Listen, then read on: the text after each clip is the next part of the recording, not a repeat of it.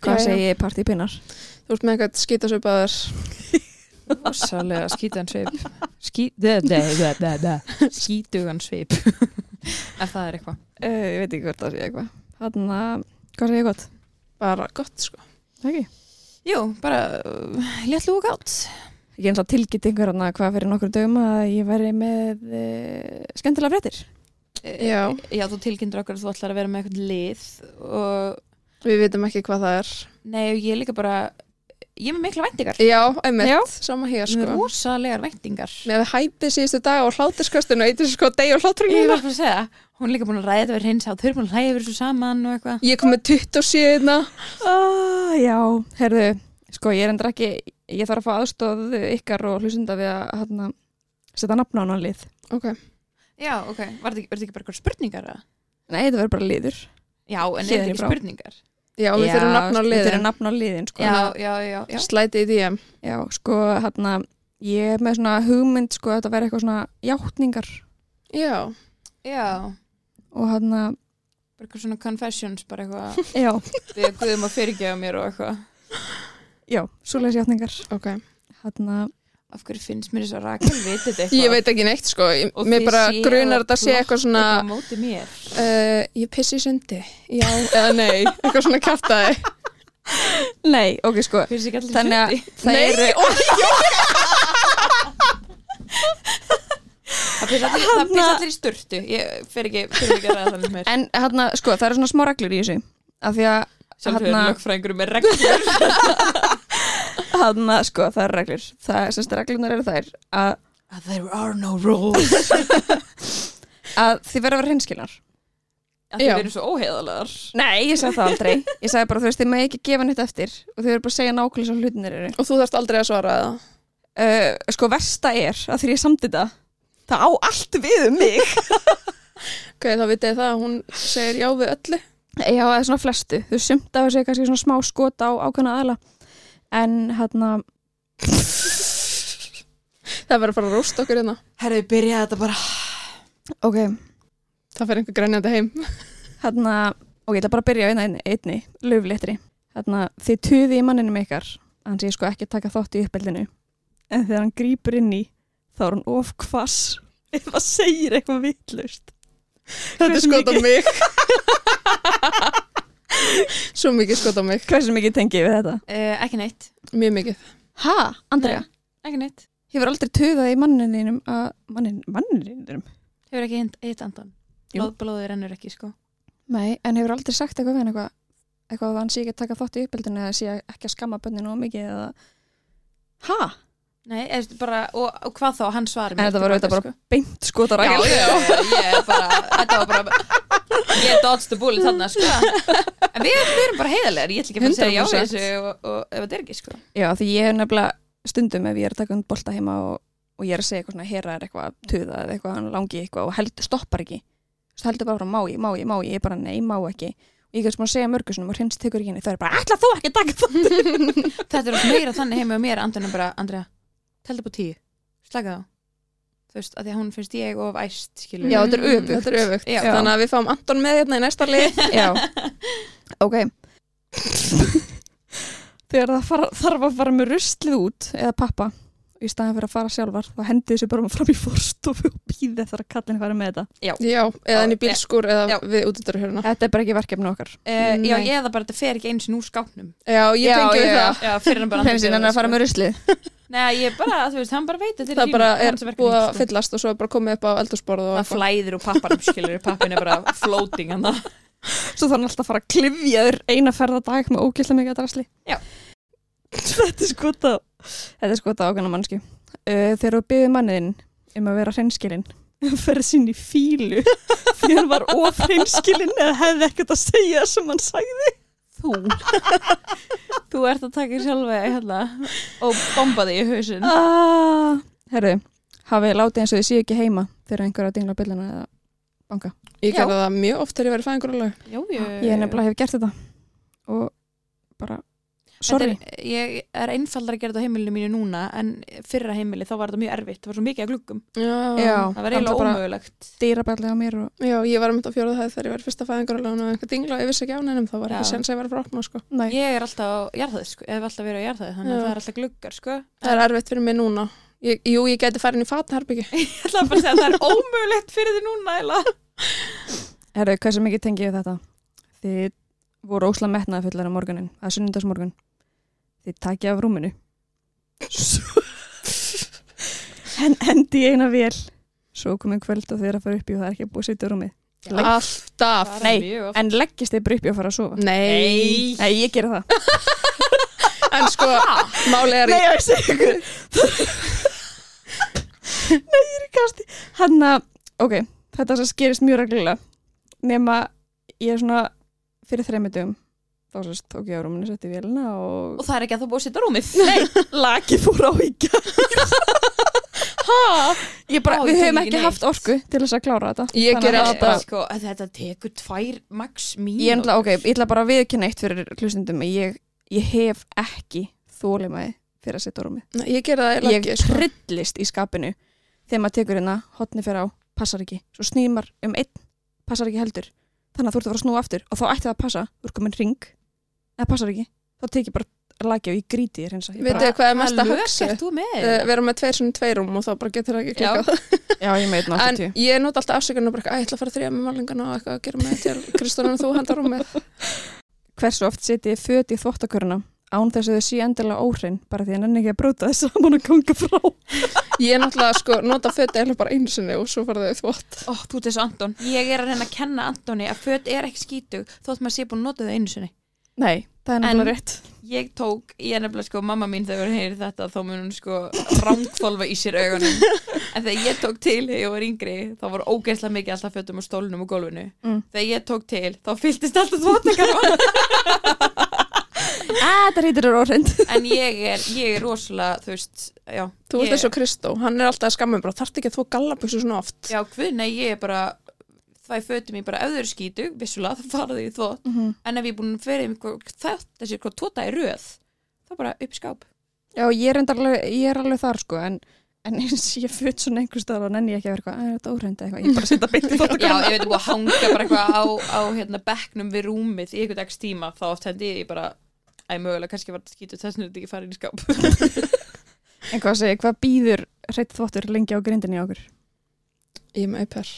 Æ, þú veist þegið, hérna, Andrea um, það er ekkert svo lengi að því þú veist, annarkvort er þetta föt af tvinnsmikið eða íþróttafötin af mér og þá er þetta bara gripið eða þetta er að fara í nótgöru strax næsta dag sko. Já, ég er að vinna með svona five business days Já, ég er enda sko, ég get sagt að e, fötin sem að liggja í fataherbygginu og er ekki komin inn í skáp hjá okkur, þau eru alveg oft þar í viku kannski. Já, þegar þú býður maka en maður komið við í búð, verslæn hann spyr, langar þig eitthvað sérstætt? Þú segir, nei Svo kemur hann heim og þú verður next level pyrrið að þú kom ekki með neitt E, oftast, já. Já, ég er bara að tengja mér mikið hana já, já, já, alveg eitthvað Ok, herðu Þú fer í búðana með hugafærið Nú er ég að fara að taka maður og borða hallara Þú fyllir ískopin morgunin eftir blótar í drast Hvernig mikið tengi?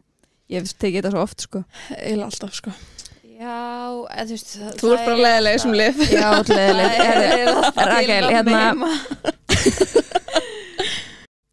Ok, eitt að lókum Kóttu með það um, Hafið ég látið gossa á almanna færi þegar ég vona að þetta sé líktalust Láti gossa. Búin að tala með prum Já. ég bara, hvað er hann að meina? Við vorum nú bara á djamminu og ég var nú bara Talað um það, muni Byrðu nei, hvað var það? Jú, við vorum bara eitthvað að labba og ég var bara Guðsir lofa, við erum inn úti, ég er að prumpa fullu Já, ég var eftir því. Ah, já, herru, þetta verður nýr liður hjá okkur Já, skemmtilegt. En að öðru til að hafa mikið með ammálisveikuna en ætis. Ei, ei, ei. Þú átt ammæli um helgina, eða þú veist, ég veit þátturinn er komin út En við erum ammæli í dag, dag Já. Já, það er rétt Það er 27. februar Við erum sex mánada Já, það er bara frekar stóra áfangið spyr mig Það er mjög stór áfangi sko. En mér finnst það, þú veist, ég veit ég er búin að segja þetta mjög oft en þú veist, mér finnst við erum á loftinu miklu lengur Já. en á sama tíma þá er ég svona, ef ég spóla tilbaka þegar við vorum að byrja, Já. þá var ég alveg bara svona, ok, hérna, búin að skrifa niður kannski 30 umræða efni og eitthvað og ég hugsaði, ok, við, þú veist, við erum allavega safe í þetta morgamáni Já, maður var ekkert neginn svona, fyrst þegar við vorum að byrja þá var ég eitthvað svona, ok, þetta er hérna framtíðar dæmi. Mhm. Ég er eitthvað svona, ok, þetta verður gaman að jólum. Einmitt. Það verður bara eitthvað, Við erum "Herra, bara, nei, nei, þetta verður bara gaman miklu, miklu, miklu, miklu við meira. erum bara bókaðar sko langt inn í árið. Já, Já. það Alveg er bara ógislega mikið framöndan og Bara til hamingju við og til hamingju já, og takk, Takk. elsku hlustendur. takk fyrir að nanna hlusta á okkur. Þetta er mjög klísugjönd en við værum ekki að nána ykkur. Já, það er Það er særið. bara, það er bara alltaf hannig. En ok, aftur á þér, þú ert að verða gömul. Þú ert að vera Nei. mjög gummul. Hún er elst! Hún er að vera sko þrítug. Uh, þið veit ekki, þið skiljið ekki. Já, svo erfitt með þetta. Og hvað ætlar að gera? Hvað ætlaði ég að gera? Já, Bara Hoppa. heima að grenni kottan eða eitthvað? Hvað ætlar bara að taka kvítvísflösklu og slátrinni og bara deyja hún fyrir drekkur ekki tíu? hvítvinn. Drekk ekki kvítin. Ok, fyrir ekki, eitt brísir og deyja fyrir tíu. Kannski fá mér einn móti dító eða eitthvað. Já, ert það ekki búin að plana neitt? Nei. Hvað munir þau? Sko, þú Ég ert að nenni vera ekki að- þrítug. Sko, sko, ég en- ætlaði- nú- Stoppum Ég nú. ætlaði að henda í mjög gott partí og ég var búin að lofa því. Ég var alveg búin að lofa að halda mjög gott partí. Um, svo hann að, uh, nennið ekki. Ég elska að um það verið fennslan. og svo þarna, eins og eitthvað komið upp á, nei, bara nei. Ok, sko, ég, ég er alltaf að tala mikið um það, þú veist, maður sé að verða gamall og eitthvað svona sem er náttúrulega mjög mikið grín. En þú veist, 30, þetta er alveg geggjur tala. Mhm. Þetta er Ég ógeðslega var í alvörunni stórt. Ekki... Nei, sko, ok, ég er alveg svona partímannskja. Já. Þó, að sé ekki, þó ég sé ekki, þó þið kallið mig gæsina eða hvað sem þið kallið mig. Hænuna.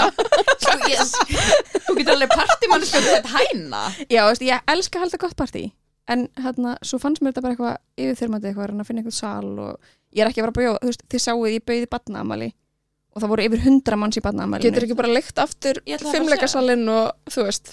Já, og fá svo bara los út af því að það var eitthvað sem hálsbraut sig í grifjunni Ég, ég er bara klár. Kannski En held í partí guð- Guðan og bænum gerðu nú eitthvað samt. Já. Ekki vera heima og fá þér eitt brísur og degja fyrir tíu. Fá allavega nætubussunni eða hvað. Það er ekki samt, sko, þetta er, mér finnst þetta erfiður aldur, sko En endilega, hérna, hendi kveðju á, á, á okkar konu Eidísi, hérna núna um helgina. Já. Já, sko, ég sverðu þrítu á laugardaginn Já, annar mars. Degi eftir, mínu náttúrulega tveggjara á fyrsta. Já.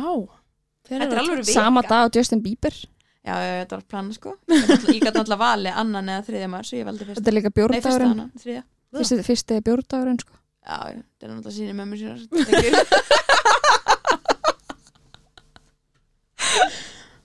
Ekki síni Antonis. Nei, nei, við, við, ég ger eitthvað Ég ger eitthvað hérna. Herðu, við vorum í uh, mjög skemmtilegri myndtöku. Ó, Já. já, Það Herri, má já. ekki glemast. Það má ekki glemast. Við fórum í netto myndindöku. Já, en það er mitt þegar þessi þáttu kemur út núna, 5. daginn, 29. februar, er að byrja. Anglamarkdagar. Vá hvað það var syngað. Það var ekki. Sáuðu líka hvernig ég var, ég var svona kórstuð. Já. Við þurfum að fara að setja þetta í mynd, sko. Já. Það væri alveg gaman að hafa eitthvað eh, í mynd og þú veist, ég veit ekki, filter að eða eitthvað. Já. Setja eitthvað beauty filter á okkur. Já, eitthvað svona, það er rosa skemmtileg filter og snabbt þetta sem svona varinnar verða alveg svona gúm, Já, já, já. svona stíf máluð og eins og maður sé búin að láta sprauta vel í kynnandan og segir og svona, Einmitt. ef að fara eitthvað svo leys.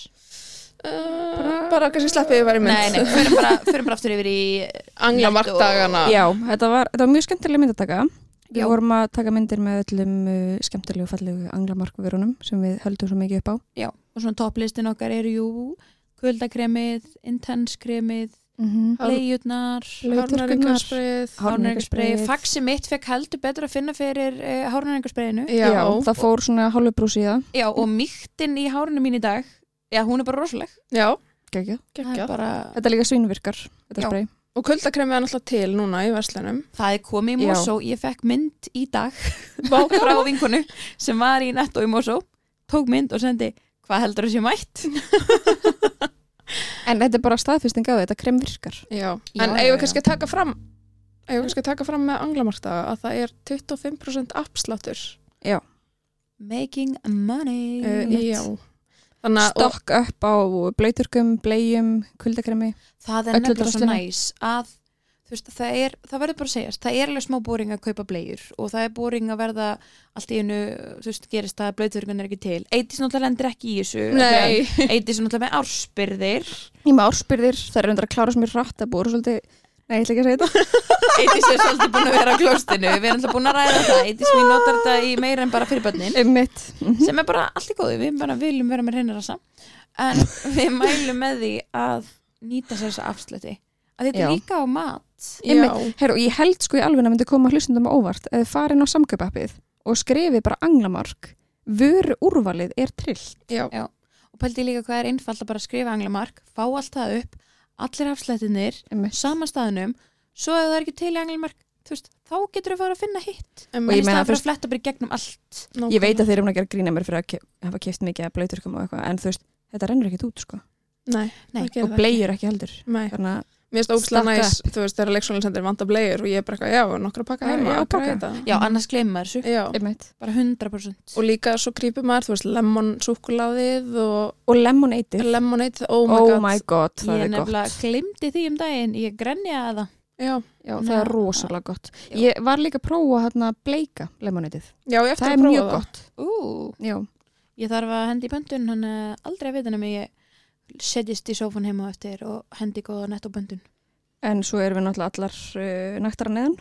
Já, eins og alltaf. Jésús minn, það á ekki að hætta með þetta grín maður djókar aðeins og, og það er svoleiðis bara herjað á mann En að ofan erum við allar í M-Fitness, fatnaði. já og að niðan erum ég engu það hefði nú verið frekar vandrarlegt svona við það, með við það að við séum að fara að fá viðmælendur hérna inn ef við værum nú allar að bera neðan En ég bara, vil ekki skýkur ég er? þú ert í Brynju? Já. nei, Bryndís, Brynja Brindi Ég sig. er að brindi já, Bryndís Brynja er bleika. Brynja er bleikapessan, þetta, er, þetta er græna við Mhm. Já. erum, við erum svolítið í stílinn í dag Við erum svolítið að vinna með grænan Já. ég er í Jane sem er by the way hey, hún er að klárast. já, og hún er, ó, hún er svo trillt flott og ég er ekki búin að fá mér. nei, og Ekki bara, ég, heldur. Verð að fara að fá mér. ég bara, þið, þið sjáu hvað hún er bara glæsleg Já, hún er geðvig. og hérna, Og svo að þú veist, litur og trilltur. ég veit það, ég er mjög ánum en lit ég væri svolítið til í buksu stíl, Já, aldrei að vita nema það gerist, en einmitt. þau eru að fá nýtt dropp, Það er að koma nýtt dropp á morgun, 1. mars. já, svo svo, svo, já Já. þannig að, já, við erum alltaf erum alls ekki eða á fimmtudegi, það verður bara Nei, að segja, nei, það er búið að við koma í erum einn á ljós. þriðið en í dag, ég veit að það er komið nýtt drafn á morgun, en í dag 29. februar síðasti séns að nýta sér kóðum sjönsinn fyrir það er góð, hvort þú bara upp launum ekki vera hang á línunni það er síðasti Nei, það er sérst í dag er síðasta sjansin ykkar til að nýta 15% afsláttar kóðun okkar. Af Já, fitness. öllum fatnaði hjá um fitness. Kóðan er undirmannað með DI. En ég ætla að segja ykkur ykkur ég er. Já, en mér er alveg saman Vil, ef, ef hlustandi myndi giska, þá getur auðvitað giska. Ég er í Erial-galanum, eins og alltaf. Mhm. Og það Herjá. var einn sem ég þekki, ég var að fá hann bara afhendan í dag. Og hún var bara, oh my god, þetta efni og þessi galli, þetta er svo geggjað. já, fæst ekki mynd og hún bara Já. um fab Já, bara ógislega flott í gallanum. það er nefnilega, þessi, þessi vörur fara öllum skiptir ekki máli, Já. þú veist, hæð stærð, vakstalag, whatever, þetta fyrir öllum það eru allir skvís í M-Fitness vörum þannig að bara nýti ykkur í kóðan 29. februar því miður, ef það er lust eftir það, þá er núturinn en við munum alltaf græða eitthvað skemmtilegt og nýtt það er líka, þetta er bara, þetta er líka viðrjónalegu verði, sko. Já, þetta er mjög gott verð. mjög gott verð En hvað segist Elbjör, hann að, já, ég er náttúrulega að vera þrítug, hann að, Herru, þú kannski ferð að mæka í Erum við tilumni eitthvað- dagsins. já, ég Já, var ekki, bara eitthvað að hún- spá- af því hún ætlar náttúrulega ekki að gera þetta neitt öðruvís en aðra daga Nei, þannig að þá bara hlýtur hún að fá sér mækæ einmitt. emitt. og hvað ætlar að fá þér? Á mækæ? Já. Sko, snær, mínus mango plus bannar plus grískjókurt. Ú, Við erum náttúrulega algjörur sögðir og erum ekki ennþá búin að Já. gera keppnin okkar Ég tek þetta á þarna, Sko, ég, ég ætla bara að viðkjöna það alveg hérna að ég er svolítið stressuð en, en það er ekki að því að ég held að fólki finnir skálin okkar ekki góð það er að því að ég er hrættum að sko, fólki hefur ekki prófað hana og Já. veit þar lendi ekki hversu góð hún er af því það vill mann góð Núna væri ég til að vera í mynd að því að hún Andrea, hún er að drepa mig með augnaráðinu af því ég er búin að segja þetta, fólk, fólk vill mann góð það er fersleikin í því, þú veist, líka það hversu oft uh, ertu heima hér og þú átt banana, já já, þú færði bananan en þú, þú nennir ekki að fá þér mann góð þannig færði bara mann góð bara skorið, tilbúð, ferskt, gott Boom. Herðu, þetta er bara eilsing, Jeps. bara í útvarpi með þetta. En það er svolítið langt sín við sögðum að- að Asai Og svo sexy. Við erum allan að farnar að, jú, læra að segja þetta. Já, Asai Asai. Þyrftum, það væri svona góð auglýsing að fá fólk út í bæi svona til að segja þetta eins og þegar voru að auglýsa ónefnd fyrirtæki og breyta namninu á því Já. það fóruð út í bæi og báðu fólk um að Þau segja gerðu þetta þegar Já. þau opnaði hérna kaupanahöfn, mækæ. Já, Já. það er rétt, ég man eftir þessu Já. kannski þess vegna sem ég hef með þetta hugmynd í hausnum á mér Fyrir ebbur hugmynd Já. en við erum að fara að fá til okkar eðslut fólk Já. Þetta eru eigendur um fitness. Já, við erum alltaf uh, þau verði í smá sjokki þau koma inn inn af því að þau, þau eru kannski ekki alveg vön að sjá alveg algjöra M-fitness rungara því við erum frá topu til dáar í fötunum þeirra en ég myndi nú halda að Mari okkar uh, sé nú svolítið mikið í M-fitness sjálf Ég ætla að Já. veðja að hún sé í sömu peys og þú. Uh, já, ég er tilbúin, nei ég er ekki tilbúin til að taka því verð, ég er sammála en það gekk í peysa Já, en þetta er ótrúlega skemmtilega og flott saga. Ég veit svona aðeins um Maríu og hún Já, er bara, þú er hans að vera að vinna með þeim já, þannig að þetta er, þetta er klálega þáttur sem er mest að hlusta á. Já, Gaman að heyra svona baku tjöldin. Já, en hérna að því við erum að fá tvo gesti í stúdíu við erum bara með fjóra mæka Já, Við Rakel ætlum að, við týpirannir deilum mæk sharing is caring. já Þannig að það gæti verið eitthvað svona skemmtilegt uh, svinga milli okkar tvekja Eitt fyrst í því, þeir eru nú vanar því þannig að hérna, ég ætla að fá að vera frekk með minn mæk Þannig að þetta er náttúrulega enginn þóra ef þín mæk Þannig að hérna ég á þetta, ég má þetta þannig að en er þetta ekki bara Let's go!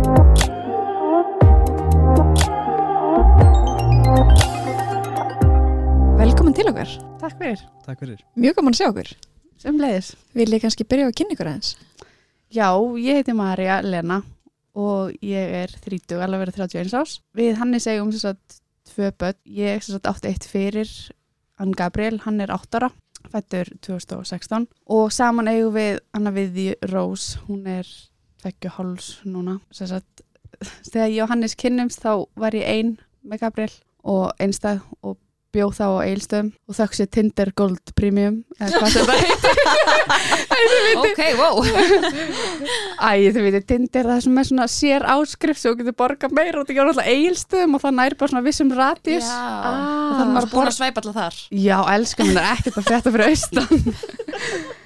Þá, hérna, svæpa ég sem sagt, æ, ég læ- líka yfir Hannes. já, Og við töluðum saman í ár án þess að hittast. Það ekki, var það ekki ár. Jú, það var eiginlega alveg klárlega ár sko. það er rosa, Það er rosa langur tími. Já, ég var Varstu bara, svona efins eða? nei, ég sko, var eiginstöðum sko nei, ég kom alltaf í bæinn, en ég var bara einhvern veginn, þú veist, ég var bara óslega brend, ég var bara, þú veist, já, já, mér bara langaði að vera ein þú veist, ég sagði til hans sem mann ég sagði pappa bara, nú er bara eignast eitt bad og ég ætla bara ekki að eignast maka ég er bara góð já nú ertu bara, varst bara ána með allt já, já, bara einhvern veginn svona, þú veist að ég veit það ekki, já, ég ætlaði mér bara ekki samband og það var ekki ætlunin þangað til við eiginlega urðum ókslega góði vinir sem eiginlega þróaðist bara út í samband óvart já, og þessu ykkur einast staðrænt hvað er með við hittumst í fyrsta skipti á Tokyo Sushi í þessari götu sem við sittum í núna Nei, jú, skemmtilegt bara hérna rétt fyrir utan Já, ég sagði hendur Hannes og hann keiri hann og ringdi á hringinu bara Hannes, ég man þegar við hitt- þið hitti þig hér og þú var svo púkarlegur, ég var bara Guð minn góður, hann var svo Minnist alveg reglulega það. Já, hvað er að tala um, Hvað- hvernig, hvernig var það deitt það var enda bara fínt en ég mæli svolítið ekki með að fá sér sushi á fyrsta deiti því að þú veist maður þarf að setja heilan sushi byrja upp í sig, Já, það er bara ógist að Já. vandræðilegt Það er ekki sexy og þú veist, ég var mann, ég borðaði og held svona smá hendin svona fyrir munnin því að þú veist, sushi byrjum er svo stórum, maður getur vel að loka munninum Já,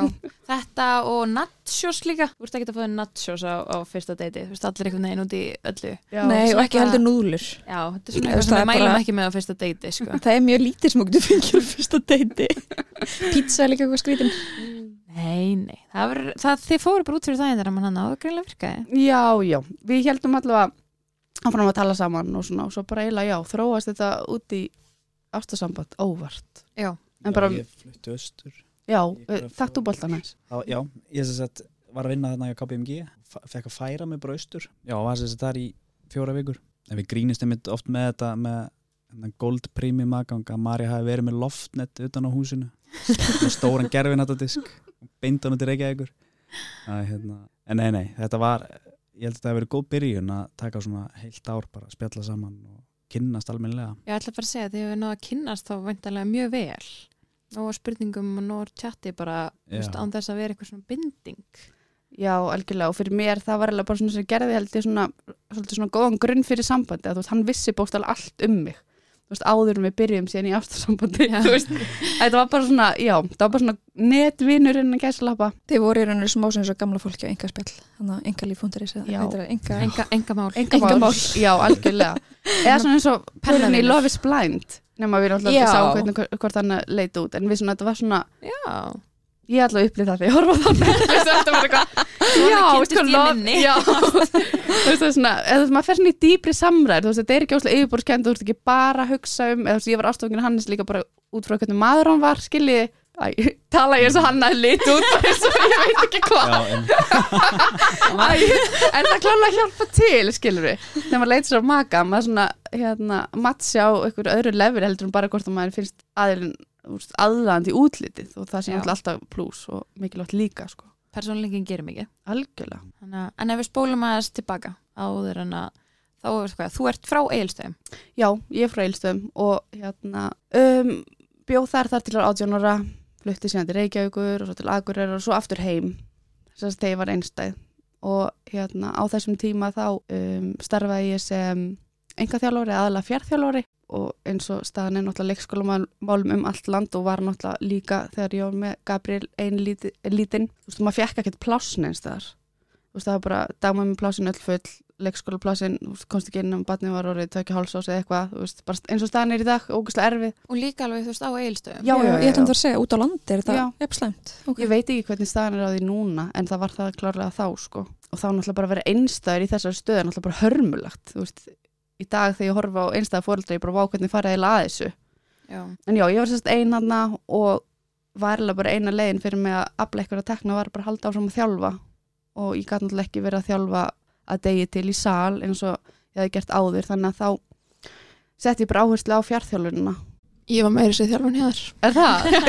já, æ, veistu það, ég búið svo ógist á margir en já, ég mann það. Já, gaman. Já, en hérna, já, ég var bara, vil ekki he- hljóma sér eitthvað kokki, en ég var mjög vinsæll þjálfari. Þess að ég var alveg 70 konur í þjálfun og brjálað að gera. Gekja. og hérna vann þá í rauninni bara frá 8 til 12 og svo þegar Gabriel svaf á daginn og þegar mest lét þá vann ég líka á nóttinni því að það var bara einu tími þú veist það getur ekkert unni með lítið bann heima og það var enginn sem var að fara að ráða mig eitthvað þú veist aðra hver helgi þegar ég gæti sett Gabriel í pössun til að mafa eða eitthvað skiljaði mig Já, mitt. þannig að Þú ertu bara svolítið að finna þitt og redda þér. já þannig að já en það var bara ógislega gaman og ég stundum sé ég eftir að hafa hætt að þjálfa því að það er ógislega gefandi og sjúklega skemmtilegt að vinna með fólki sko. á þessum tíma þá sem sagt uh, byrjaði ég með meðan fitness og ég mani mitt að ég var að tala við Hannes á þeim tíma og sagði honum frá lindamálinu mín að ég væri að vinna í að koma með ein línu og hann, hún fannst það svo ógislega galir eins og öllum náttúrulega bara, Er það, "Nei." var fólk, fannst fólk þetta galið? Já, fólk var bara eitthvað þú veist, mamma og pappi voru náttúrulega bara eitthvað, já, ekki vera eða peningurinn með þetta, þú veist, þú voru að leggja fyrir til þess að kaupa þér íbúð og bara svona skinnsemin að tala, skilji, Já, já. en já, þetta, er ekki, þetta er ekki praktíst nei, þú veist, Nei, kannski ekki líka, þú veist, eitthvað einstæð og þetta er, þú veist, einmitt Það er líka bara eiga allir að fara sömu línu. Það er bara Já. svolítið þessi í dag. Það er bara eiga allir að fara einna einu sömu línuna. Já, og Hannes var eitthvað, já, hann vildi ekki bara hérna, fara í háskólanum svona með og ég bara eitthvað, guð með, þú veist, geðvættast reglar alltaf ein með barnið og svo hérna að vinna eins og ég gat, þegar ég gat og svo reyna að koma þessu einhvern veginn að lækjarnar finna út úr hvernig þetta væri gert. hvernig dáttir þetta í hug, eða þú veist. Sko, ég hef alltaf verið ókslega mikið í íþróttum og hérna elska íþróttir og reyfingu og helsu og svona. Og síðan er annað áhugamál mitt er föt. Ég er sem sagt, þegar ég var tíur og gömul þá opnaði mamma um, ljósastofu í bílskortum heim í okkur sem þróaði síðan í nærfæta og svona náttföt og svona alls konar. Ok, áhugaverð þróun. Já, þetta er náttúrulega bara svolítið sveit og þetta er náttúrulega öðris í sveitinni Já. og hérna, sem síðar, síðar þróast í hérna, tískoðaverslun og í dag uh, er hún með verslun sem heitir River á Eilstöðum, ég veit ekki hvort það var hýrt um hana Já. en það er sér að uh, tísku konuföt og skór og svo er þetta líka íþróttaverslun þannig að hún selur skilur næg að þetta on skó og allt, og náttúrulega M-fitness auðvitað, Já, ég ætla að fara að segja þetta líka að koma því í staðinn inn. hann að hérna, já, hún hefur bara verið í rekstri frá því að ég var 10 ára og ég hef rosa mikið verið involvur í þetta og síðan alltaf elst upp í þetta, ég fann að vinna í bílskurnum þú veist, ég veit ekki, 12 ára eða eitthvað leysa með mat, hann hún gott hopp inn og fengið sér kvöldmat þannig að hérna já, og Þú veist, komið kannski með svolítið grunnin af þessu hana. Já, og svo bara, þú veist, að vera í kringum fatabransan, þú veist, það er ógeðslega skemmtilegt, finnst mér allavega þú veist, bara meðan já, það mamma var að vesla, þess að þess þegar mamma fór að vesla inn fyrir búðin að fá að fara með til London og sjá þetta allt og upplýða þetta áður en þetta kom til Íslands og svona, æ, fatti ég hvað ég meina Mhm. og sjá hvað er að koma, hvað verður töff áður en allir vita hvað er töff, eða Einmitt. fatti þú veist, mjög áhugavert Ná, þannig er rauninni bara samtvinnust þú áhugamál, þú veist, áhugamál á rekstru og fötum og síðan hérna áhugin á íþróttum Já, en þú hefur alltaf verið í íþróttum. já, ég var í fimmleikum og fótbolta sem bara, og svo kefti ég líka í frálsum og sumrin og það voru allar íþróttum sem hægt var að æfa í stöðum Svo klassískar utan á landi íþróttir. En viltu segja eitthvað svona meira frá því þegar þú varst að byrja með fitness? já, Hvernig var þetta? Sko, þetta er náttúrulega ógeðslega lærdómsrikt en hérna í byrjunina var það náttúrulega bara þannig þú veist að þú þarf náttúrulega að finna út hvernig hlutin eru gerðir þú veist, bara með þetta eins og allt annað, þú veist, hvað felst í sér, hvað, þú veist, hvað þarf ég að geta gert til þess að hanna fött og í dag, náttúrulega eins og margir vita aðgengi að upplýsingum er bara óendalegt þú getur bara fundið svör við öllu á netinu og þannig í rauninni hófst þetta bara, þú veist, ég var bara YouTube og Google og spyrjast fyrir líka og þannig er henni bara, já þú veist, svo bara pröfa ég mig áfram, þú veist, þú, þú getur lært á öll forrit, öll kerfi með að horfa á YouTube En varst ekki trætt, þú veist, þannig með einn lítinn, hvað er hann gamall þegar þú varst að byrja þetta?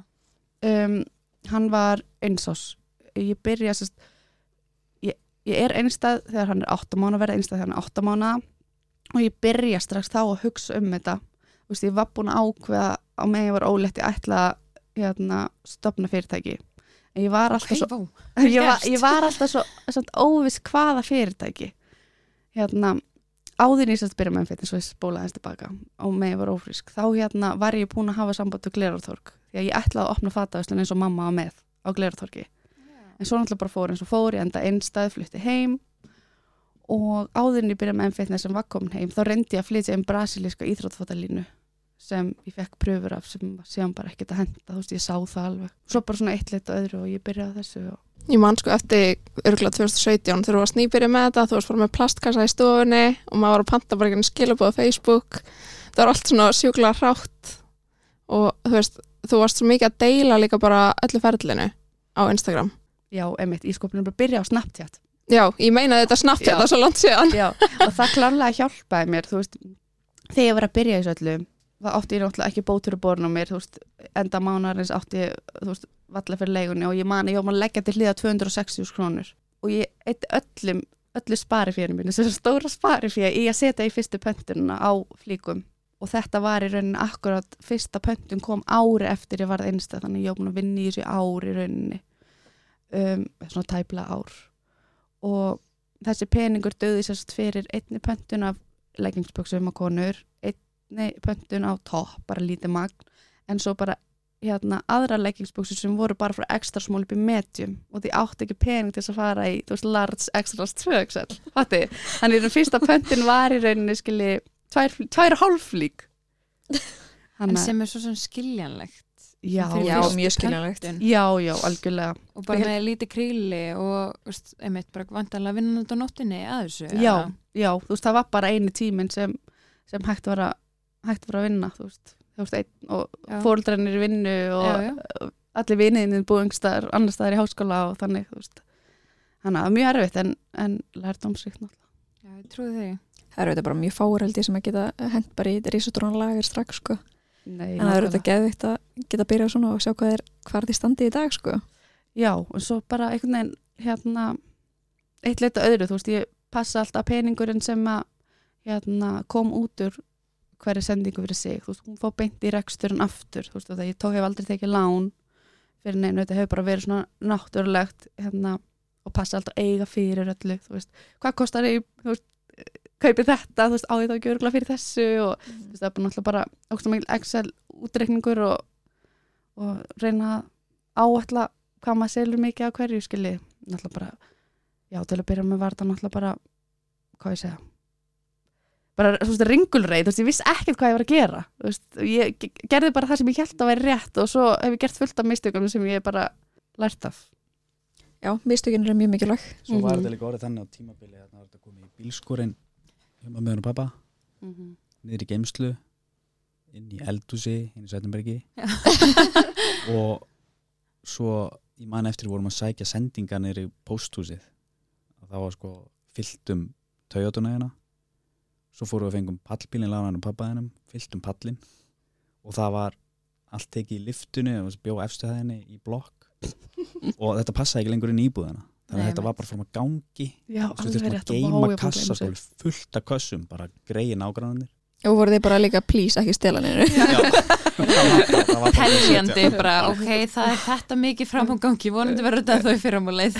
Já, eða þú veist, það var svo æðislegt fólk sem ég bjóð með og aðalega gamalt fólk þannig að ég hef aðeignin hugsaði ekkert út í það hvort þú myndist eða ykkur það var frábæri nágrannar Já. En þannig að þú kemur inn í reksturinn á þessum tímapunkti þegar þetta er svona aðeins byrja að rúla. Já, þetta, já svona, þegar þetta var ennþá bara í geimslunni og, og kannski svona geimslunni og bílskúrun. Já. En þetta gerðist mjög hratt að þetta vatt upp á sig. mm -hmm. Ég var hann þegar Marja var að svara Facebook skilabóðum og allt Já. þetta og og í rauninni við svona ákvaðum þá líka að að þarna þyrfti að koma eitthvað svona meiri sjálfvirkni í þetta, gera heimasíðu og En líka það sko orðspúrið á þetta hvað þetta er mikið gæði og gott er rosalega fljót að koma þarna þegar ég á hann þessar fyrstu buksir og ég aðjóð fyrstu. Svo með þeim fyrstu, Já, þetta er sem já, nummer þrjú það var Já, já. ekki alveg fyrstu pöntunni Ok. Ég held að ég hef kipt þær þannig að bara hann mjög snemma og það var bara til vinkurum mína tölu um þessar buksir voru geggjar, heldiskjurar og voru ekki geggsæðar og ég var bara vá, buksir sem eru ekki geggsæðar, bara finally einhver, þannig að þú veist orðspúrið á þessu var svo gott strax. Þú Æ, það veist er það bara gott að kemur heyra. strax 2017-18 sem maður bara, maður vissi strax hvað þetta var. Já, það er mjög gaman og það er svo ánægilegt að heyra en það klárlega hefur hjálpað okkur að við höfum aldrei sparað í gæðunum Já. það er auðvelt að gera það en þú Mhm. vilt það bara ekki, þú veist það kemur bara í baki á þér strax, Mhm. aldrei þessi virði þannig að hérna. en já, svona word of mouth við náttúrulega já, word of mouth er náttúrulega ógeðsla dýrum að sérstaklega úrst að byrja með og hefur ekki eina krónu í að, hérna, til þess að eigða í markasefni Þetta var- Ajó náttúrulega er ennþá í dag bara, þetta er, með vinsæl, er ekki bara vinsælasta varan eða?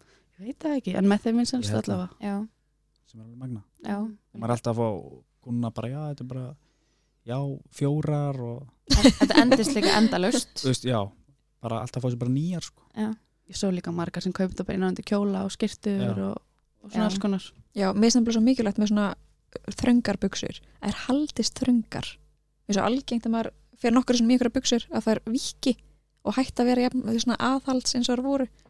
En ég hef ekki lendið með buksur fyrir ykkur. Æ, það er gott það er gott þær maður er bara, ég er bara meira að heyra þessu hrjóð ég var að, Það er búin að vera svona lengi en samt en þá, þú veist verður ennþá heisa hvað þetta er, þú veist, búið að ganga vel og hvernig þetta er allt já, þú veist, ég verð alveg þegar ég hitti fólk sem, er, sem veit ekkert hver er og ég sé þau verið í amfittisfötum, þá er ég bara "Hmm, gaman, Já. þú veist við Hérna- lítum alltaf á hvort annað, Já. sjáum einhvern Já, Sástu þennan? sástu bjóksinnar já, mér finnst það alltaf ánægilegt maður getur ekki tekið þessu sjálfsögum hlut þegar maður er búin að leggja svona ógeðslega mikið á sig Já, þess maður er bara svona, wow, bara takk fyrir að kaupa þetta, þú veist í alvöru, þú veist, þetta er, já, já. En hvenar er þið farin til Reykjavíkur? Er það á þessum tímapunkti eða? var það ekki, kringu 2017 át já já bara þegar þetta er að byrja Já, í rauninni sko Þú veist, ég viss alveg að ég myndi á einhvern tímabundi hérna, þurfa að flytja þú veist, þau vorum byrjað með þetta þess að við þurftum að flytja til Reykjavíkur og þau við vorum byrjað að selja um, náttúrulega til Rivers sérst, í heilsölu og síðan í búð á Selfossi og í útilíf og þú veist, þegar maður er að gera viðskipti þá viltu vera í góðu viðskipta sambandi við fólk og þú vilt hitta það og hérna þegar ég var á eilstöðum þá flög ég allt einu sinni í mánuði hérna, til Reykjavíkur bara svona til þess að halda sambandinu góðu því það er svo ókslega dýramætt þannig að það, já, það var alltaf í kortunum að, að flytja til Reykjavíkur en það gerði samt alveg hraðar en ég átti vonu það var ekki planið að fara strax þú veist, til Reykjavíkur en það þróaðist þannig alveg óvart Og hvað er síðan næstu skref hjá okkur? Þeir eru komin til Reykjavíkur. það var að fylla geimsluna í íbúðinni Okay. og tala um hvort við gætum lokað einhvern veginn bílastæðin og gert auka geimslu þar Sett eitt gám bara já, reyna að finna einhverja lausnir á, á hérna, en það mjög fljótlega bara örgulega að tala um vikur eftir við komum þá fórum við og legðum hvað ætlaði að vera 70 fermetra held bara 60 60 fermetra innar og svona upp á Esjumilum já, og hérna þar vorum við í áttamánuði já, bara svo lengi, það verið minna en, Mm. Já, eða minna, ég, ég man það ekki nákvæmlega en, en það var eiginlega bara allt og lítið strax líka og ég man mér fast Marja alveg galin hún vildi fara að skoða eitthvað 205 fermetra innarúsnaði og og þú veist, þegar sérstaklega kom inn í þetta þetta var tómt, þetta var bara rísa stort fannst manni og hérna en við ákveðum að leia það það var 2018 já, það er bara það er bara stuttið eftir að koma til Reykjavíkur ákveðin þá að stúka af litla búð sem var bara eitthvað rétt um 40 fermetrar Vest, þar, þar í rauninni loksins ko- fannst okkur við komin á stað þar sem við, að hér getum við náða að vaksa smá en það voru svo sem ekki nema tvö ár þá vorum við búin að færa okkur yfir í bíli liðan og, og komið 70 fermetrar milliloft og komið millilofti já. já, hann það sprakk bara strax líka já, og búðin, þú veist, litla búðin 40 fermetrar, það voru búin að tróða inn í hana já, ég kom endalist inn í sem bútt þetta var bara eins og ruslakompa já, sko, hún var allan að falla í ruslakompa já, já. en já, En já það við erum komst það gerðum ekki- þetta sjálf við, þú veist, við Já. smíðum búðina sjálf og, og hérna, ógeðslega mikið allar vinna innvettingar Guð minn góður, og pípulagningaefni og, og hérna þannig að það hefur líka hjálpað okkur helling og við hefum gert mikið sjálf já við höfum bara gert allt sjálf þangað Já. til að opna síðustu búðina held ég sko en meiri þess að gerum við mikið já ok, eða veist, við smeiðum ekki einhver einustu innréttingu Nei, í búðinni en við Nei, við gerðum smíðum þá ekki fyr, neitt. í fyrstu búðinni já, þannig þið voru bara í öllu sjálf öllu sko, þið eitu engum pening eða þú veist, bara ég ætla ekki að setja gæslega bara óþarfa pening þú veist, í eitthvað svona, þau bara græju þetta já það var bara ekkert þú veist, að við- byrja með svona úr eigin vasa, þú veist, það er drullu erfitt sko, já, Þú veist, að vera ekki með mikið fjármagn alltaf, þú veist, það þarf alveg að hugsa fyrir hver einustu krónu, þú veist, það hérna er krefjandi og það var bara það sem við þurftum að gera hvernig var þú veist álægið á ykkur voru þau bara náðu þau eitthvað að vera að vinna í ástinni hann eða var það bara ár hana, í samskiptum og svo bara business búið að vera svolítið þannig nei, við náum því alveg aðeins líka inn á milli já, já þannig að þetta kemur alltaf í svona tímabilum og hefur alltaf gert frá að við byrjum saman það kemur svona erfitt tímabil þar sem er eitthvað við erum að leggja áherslu á eitthvað eða græja eitthvað á þá hún alltaf bara allir döðþreyttir og stuttir þráður í nellum og, og svona lítið tími til þess að gera eitthvað skemmtilegt saman og sinna ástarlífinu og þið viti Já, en það líður hjá þannig að hérna, ma- ég reyna alltaf að horfa á það þannig þú veist, ef það er eitthvað álagspunktur að vera bara ok, þetta er, þú veist, það er bara halda áfram, þetta tekur enda já, bara allt spurning um gott höfafar Já, í rauninni sko. Það væri alveg mjög auðvelt að gefist upp einhver stór leðinni sko. já, það kom alveg tímapunktar sem þetta var það erfitt Já, guð, menn góður. Já. Vist, Það er bara oft sko. Já. Og gerist ennþá í Já, dag þar sem maður er ennþá í stundum dag. bara af, af hverju er ég að þessu sko. gerðist í dag Já, fá við sögu eða nei, ég vil Nei, ekki ég held vita. að sé ekki. Ah. ok, þið farið kannski bara að deyta um helgina já, já. Já. Við pessum okkur samt alveg að hugsa vel okkur annað sko. já, er það ekki? Jú, jú. Þú Veist, annars hefðum við ekkert geta held ég verið að þessu. Þú veist, og við erum saman eins og staðin núna, Hannes er hérna, saði upp í sínu vinnu fyrir rúma ári. Þú veist, við erum saman okkur um einasta degi. hvernig er það? Já, Þú veist, mér langar hvernig svolítið að heyra náið með það Hvernig, tvinna þetta svona Það er- heimilið, vinnuna gengur furðu vel það er hérna, Marja er náttúrulega alltaf yfirmaðurinn alls staðar. boss lady Já, hann er bara sleiti En Nei, þetta gengur bara mjög vel Ég held að, að þurfi líka alveg svolítið svona stert samband í að geta verið alltaf saman ég Já. er bara mjög sammála á því nefnilega það er nefnilega svo forvitin að vita þú veist hvernig, hvernig þetta virkar hvort Þú veist, eru það þið bara- reglur eða já, er þið bara með skýra verkaskiptingu og svo þeir eru ekkert að Rosalega. stíga inn á svið hvers annars það er bara, Eila bara aldrei sko. Nei, þú veist, bæðin á heimilinu og í vinnunni, þú veist, við erum eiginlega bara og sumt, það sem hann sér um, hann segir mér eiginlega ekkert stöðun á því því ég er með svo mikið á minnikunn og öfugt, skilur hann bara sér um þessi mál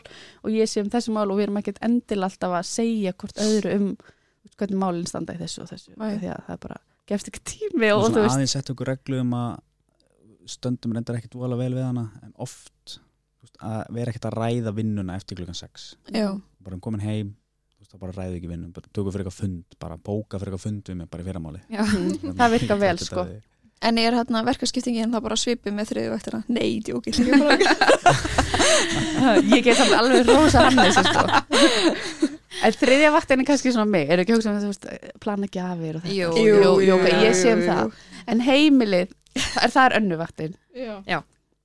Hann er stendur sér fáránlega vel þar, sko. Ok, gott Þú rós. veist, já. vel gert Já, þú veist, það er bara, þú veist, með börnin, það er algjörlega 50-50. þú veist. Já. Og kaupi matinn, 50-50. Eldamatinn, hann sér um eldamatinn, ég sér um að þó þóttinn fer, þú veist, ef þetta, þetta er allt svona Já. og mér finnst það bara ógslag þægilegt og ég fungar þannig best, ég er ógslag færköntu sko. þannig að ef hann er eitthvað fa- mættur í þóttinn sem myndi ábyggla elska, ég er bara, hvað er það að gera? Ég ger alltaf vittust, ég set alltaf eitthvað vittust saman. sko. fór raukt með hvita Já Svo er reyndar maður minn búin að, hann er búin að stopna fjórðuvaktina og það er sem sagt, ef það þarf að negla bóra eða nota hamar Já. einmitt. Þannig að- Ég stela það. já, eða þrýfa bílin já, já Já. bíllinn er fjórðuvaktin líka gat nú verið eitthvað kall maður geti búið til það og þá Einmitt. vakt Já, en það er líka ógslag leðilegt það er mjög Já. leiðileg vakt bílinn Já. og láta smurjan og dekka skipta Já. og guð minn góð Hann má alveg- þeir hann má með að alveg vera eiga þessari þessa vakt, fjórðan sko. mjög með sko. þeir með að kalla þetta vakt eða vilja bara. hann er sér um svo að fjórðu vaktina já, algjörlega, hann má eiga hana ánægilegt að þetta komið bara inn núna en að, að nei, við fyrir nú ekki að gera lítið á þriðvættinni það erum bara Nei. að vera uh, En- miklar heitur umræður það hefur verið ágætis ákvörun að hætta í vinnu eftir fimm ára háskólanám Já, það var í rauninni, sko, það var samt eiginlega, það var bæði það var mikið að gera í, í M-Fitness, mm -hmm. en ég var líka, sem sagt, ég var búin að vera að drepast í bakinu þarna í fjögur ár, bara, þannig að ég var bara að vakna 5-6 á mótnana, bara st- mjög stífur og, og hérna, og þarna sem sagt, greinist ég líka með hryggikt og, og það er bara svona kyrsetu þannig að þú veist, eftir nóttina þá ertu bara ekki stífur í bakinu og, og, hérna, og þarft að komast á hreyfingu og þá hendar ekki að sitja við skrifborðið að skrifa ykkur brefni í ríkiskastjóra sko. Nei. Þannig að, Nei, hérna, sem er náttúrulega bara starf lögumanns uh, já, allan daginn einmitt. þannig að ég hérna það er bara að lá best við að hætta og, og ég næ að vera í svo fjölbreyttu niður í M-Fitness Þú veist, ég djókum oft með að ég sé húsverðurinn líka já, ég ætla hann að fara að segja, hvað er svona sirka hvers- hvað gerir þú hjá MFS bara svona stikla á stóru sko ég, já, svona stóri væri það að ég segja um starfmannamálin Já. samninga uh, heimasíðuna og allt sem þarf að laga gera við nagladekkin, smýra bílin og hérna Marja sér alveg um restina hún, hún stýrir þessu mjög vel ég held að sé bara, ég segi það alltaf við hanna og geta alveg sagt það hér líka ég held að sé bara fáir einstakling sem ge- getur gert þetta hérna vel sko bara Ó. passa allir sér með verkefni og, og hérna þannig að og einmitt talandi áðan um þetta með að fara í háskólanám og svona, nú ætla ég að gengi í háskóla í fimm ár og, og hérna þú veist, það er bara svo margt sem að þú veist, það er margt sem maður læri gott í háskóla og allt það, en, en það er rosalega margt sem að maður líka læri bara á að gera ég ætla hann Einmitt. að fara að segja, ég held að sé ekki háskólanum þannig sem, sem býrði undir það sem þú gerðir í rauninni Þú veist, þannig séð Nei, ábyggilega ekki sko, ég náttúrulega veit ekkert, veit ekkert um það, ég byrjaði í háskóla í, í tíund af önn og hætti Já. þannig að ég er kannski ekki góð manneskja í að, í að metta það en það hefur kannski bara hjálpað svolítið mikið að vera ferkantar Axel sjúklingur eins og ég Já, ég vil Á, bara meina þessi en- algjör kostur sko já, já Ég- þú veist, eflaust hefur það hjálpað en ég er bara einhvern veginn svona þú veist, er svolítið svona all in eða ekki manneskja og hefur alltaf verið þannig, þú veist, hérna að ég veit það ekki, ég, þú veist ég það þarf líka mikinn hálfrassa kjark. ekki Já, ég já, að taka já. skrefið, þú veist, ég fann það bara ég hætti núna síðust áramót bara að hætta að fá bara launin mín hvern mánu og, og bara fara í það allt í hérna standa með leið, þú veist, eins og ég var að fara að standa á eigin fótum, pínu sem eins og ég var að fara heiman aftur já, það var svona, það var svona tilfinningin sem ég fekk sko. bara þetta er undir þér já, komið núna algjörlega bara, stattu þú veist, þú verður bara að standa þig, það er ekkert annað í bóði mér fannst það meira svo erfitt þú veist, hérna hann skuli, eða þegar hann var hætt að ég var bara, oh my god, það er svona eiginlega eins og sé að setja þessi fimm ár bara nýri klósettið og styrta, að hætta, þú veist einmitt. búin, komið þennan feril, þú veist, búin að vinna á þessum stöðum og úst að klári því sem hann er að gera og svo koma svo yfir í M-fitness og mér fannst erfitt að réttlega það fyrir mér,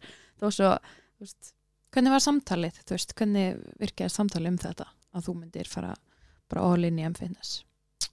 það var pínu, þú veist, við höfum oft rætta að því að þú veist, þetta var bara mikið að vera í þessu öllu og hérna en svo var þetta eiginlega bara svona fyllt að mælin þannig að þú veist, ég var ekkert að fara að vinna við skrippborðið já, já, já, þannig, að, hérna, heilsan svolítið já, svolítið það líka þannig, að, hérna, það var eiginlega bara skrefið sko. Já. En löffræðagráðan og dugar að hentar í mjög Jú. margt. Já, Jú, jú, jú. algjörlega. Það er- þetta er praktist ná Já, þetta er það nefnilega þó að það sé líka þurft.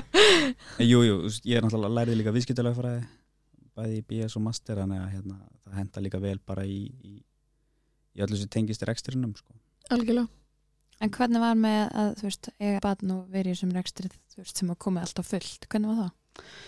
Sko, ég vil segja að það hafi ekki verið neitt mál en auðvitað var það hellingsmál en það er bara einhvern veginn svona ég veit það ekki, þegar maður ábann þá bara skipilegum maður aðra hluti í kringum batni sitt því náttúrulega vitið hvernig það er því með öll ykkar börn, skilið, þetta er bara brjáli vinna, þú veist en hérna, en ég veit það ekki, maður bara einhvern veginn svona þú veist, dansar í takt við batni sitt þú veist, það sem virka að vera batni mitt, ég var að gera þetta þá og, og þannig, skilið, þetta er bara einhvern veginn að maður ræður alltaf fram úr öllu þú veist, það er einhvern veginn rettaðist bara og Hannes kemur inn í þetta og já, bara hefur náttúrulega Ali Gabriel upp mjög fallegt samband sem þeir eru að hugsta þakklátt þannig að hérna, já Já, þú kemur náttúrulega bara inn í hans líð þegar hann er bara hvað rúmlega einsás. eða tveggja, Já, við náttúrulega vorum að hérna, tala saman í ár Hannes hitti náttúrulega ekkert Gabriel ég náttúrulega ætla ekkert að byrja með honum sko. hérna, Það var bara pennavinur. já pennavinn hann að hérna já, ég vildi sko ekki að einhver, einhver kærasti eða eitthvað svona fling myndi hitta barnið mitt sko hann að en svo bara hittist þau öndanum þegar Hannes flutti austur bara hefur gengið rosa vel En svo eignuðist þið annað barn. Viljið ég segja eitthvað aðeins frá því ferli?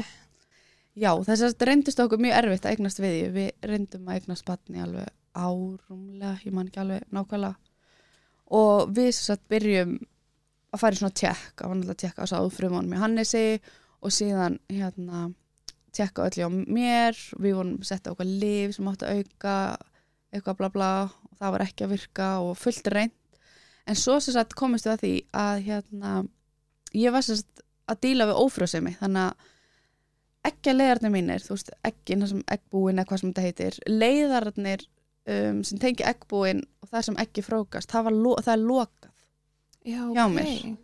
Það er Hann að- magnað. Já, þannig að það sást í myndatöku sem ég fór á í landsbytalanum og ótrúlega mikið áfall ég er náttúrulega eignaðis Gabriel bara venjulega og ekkert vesen og svo þegar við ætlum síðan að eignast bann, þá bara gat ég það ekki En hver er ykkur útskýring á því af hverju þú veist, allt í einu er allt bara, ég veit ekki, lokað?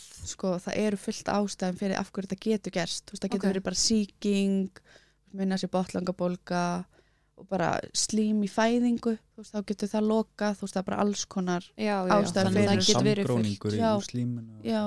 Ok. þannig að það er rauninni, ég fekk aldrei svar þú veist af hverju þetta gerist hjá mér Já, Þú já, veist, af það hverju eru ég er var svona. nokkrar, nokkur Já, svör við því. í rauninni. já. Ok. En þeir voru bara báðir blokkaraðir. sko einn var alveg lokaður og hinn var eiginlega alveg lokaður ekki alveg en þú veist það voru svo litla líkur að hérna, Það fer eitthvað ekki í gegn. já, og Já. bara held ég bara enga líkur þannig að okkur var ráðlagt að ég færi í aðgerð til þess að taka ekki leðarna og hérna til þess að það myndi ekki skemma síðan framhaldi því að við myndum alltaf þurfa aðstofi eignarsbann sem við síðan gerðum þannig að við eignumst þess að bann í gegnum Livjó Já, ok. hérna í standi þannig að, já og það virkar sett bara þannig að hérna, ég fyrst þess að á lif og hérna það eru búin til egg og svo eru eggin só eggkönda, já, Eggkanta, eggkönda og hérna og tekið sáðfrema frá Hannesi og svo er þessu blanda saman og svo er þessu bara henni plantað upp þannig að, já Og gekk það vel? sko, já það gekk ekki í fyrsta en gekk í öðru Mhm. Ég held að það myndi bara teljast já, nokkuð gott sko. Já, er það ekki? Jú. Ég myndi halda það. ég held Þetta að margir, margir þurfa að fara oft í já, og reyna í þetta í mörg, á, mörg ár sko. Og voruð þið með eitthvað svona væntingastjórnun, þú veist, yfir þessu að þú veist, mögulega myndið þetta ekki ganga upp í fyrsta eða hvernig var svona sambandi ykkar hana? Við náttúrulega vissum alveg að þetta væri ekkert gefið sko og hérna, þetta tók alveg á bara alveg allt frá því að maður bara sagt að þú verður bara að byrja að reyna hérna og, og, og upp í þannig til að koma í staði að þetta sé ástæðan fyrir þetta var ekki að ganga Nei, þetta gekk nú, þú veist, við vorum alveg nokkuð brött í gegnum þetta Já, já, þú veist, fyrir, fyrir mitt leit þá var þetta bara ógeðslega mikið áfall, þú veist, ég veit ekki hvernig að útskýra þetta, þú veist, að hérna, geta allt í henni ekki eignast batn og þú veist að þú hafir eignast batn áður. einmitt. Já, þetta var eitthvað sem hún bjóst alls ekki Ég var við. alls ekki við og ég hef aldrei heyrt um þetta, að- þú veist, að þannig að ég var bara, ha? Þú veist, er eitthvað aðeins mér, af hverju get ég allt í henni ekki eignast batn, þú veist, þetta hlýtur að vera eitthvað vittlust, eða veit Já. ekki hvað ég Mhm. meina. Þannig að, hérna, já, alveg, ég fór alveg í gegnum, þú veist, bara, já, svolítið svona áfall. En þannig kannski mjögast erfiðast í þessu öllu var þú veist, áður en við fengum þessi svör en að reyna og bara eh, að það er ekkert að frétta Já. Þú veist, guð með góður og svo fólk sem bara er að þessu endalus lengi í mörg ár, þú veist, þetta reynir ekkert smá mikið á fyrst mér hérna. Já, líka bara, einmitt, eins og þú segir, þú veist, þú varst ekki að gera ráð fyrir þessu. Áttu bara hann að batt fyrir og Mm. þú veist, það bara allir heilbriðir og svo gerist þetta. Mhm, einmitt Það var eitt, ekkert sem letið vitað af þessu. Nei, Nei, og svo er náttúrulega margir sem að þú veist, leggja staðina leiðangur og fá aldrei svör út okkur það virkar ekki eða- Já, einmitt, þú, þið fóður svör tildurlega fljótt ekki Já. brotað þessari myndatöku. Jú, jú, þannig að hérna, þú veist, ég held að það hefði líka hjálpað helling að vera með einhver svör en vera ekki bara endalust að leita og eitthvað svoleiðis þannig að þetta getur náttúrulega verið mjög erfitt Mhm. Já, og hérna uh, læknirinn sem vorum hjá kvönnsjóndurlæknirinn, hann er ógislega vanur í þessu batningna dóti þannig að hann brást ógislega rétt við og let mig strax fara í þetta ferli fætti ég hvað ég meina Mhm. þú veist, á meðan maður er heyrt af öðrum pörum sem hafa verið sambarilegur stöð og við sem hafa verið kannski bara í þessu byrjunaferli án þess að eitthvað sé gert ígætt langan tíma Já. en, en læknirinn sem hérna, ég var hjá, sem elskandi Arnar Hauks, ég veit ekki hvort ég og hver hann er er dásanlegur oh my god, ég elskan ég hef verið hjá honum alltaf Já. Hann er bara, hérna, hann bara vissi strax að vera eitthvað að, hann bara akta á þessu og þú veist, þannig að, þú veist, þannig að við vorum komin batni hendunar miklu fyrr en kannski margir aðrir, eða fatti ég hvað ég meina já. þú veist, það er svo honum að þakka að þetta gekk betur en þetta hefði geta, geta orðið hann ekkert einn svona, já, já, maður, ég hef alveg heyrt sögur af fólki sem er að glíma við ófrú sem að það jafnvel láti býða í þú veist eitt og hálft ár án að nokkuð gert að Mm. það er bara halda árum að reyna, halda árum að prófa mm -hmm. en það reynir svo svakalega á hausinn og sambandið alveg rosalega mhm. bara glatað og kynlífið er náttúrulega ekkert næst þú veist, þegar maður er bara að reyna eignast batt, sko Einmitt. Já. Nei. þú veist, Þetta er bara orðið bara það er einhverju vinnu. eglós í kvöld Já, einmitt og bara mánu eftir mánu eftir mánu bara Mhm. endalaust mm það er alveg, já, ekkert skemmtlust að vera á sko Nei, Ég trúi því. En þið fenguðu allan að eh, eina litla dömu Mhm. Já. í, í laun. En bara Satt það eftir, allt- eftir allt saman. Já, bl- blessunarlega og algjör snillingu sko, Já. algjör skessa Það er nú gott. En við erum í samstarfið vætnafs á Íslandi. Já, okkur langar svolítið að ræða kjúpitri kaupin Já, klifuteiningurinn. sem er bara mesta snildin. Nú er svona aðeins vera mingar snjórun úti. Og Ég held að þetta dæmi sé bara tilvali á svalirnar, pallin, þú veist, fyrir svona leik úti. Já, ógislega snið þetta hendur svo út í góðu veðri. það er svo margir möguleika með þetta Já, svona alltaf að setja rennubrauta á það. Einmitt. Ég var þetta að setja sko tvær með Já. þessa. Mm Mhm.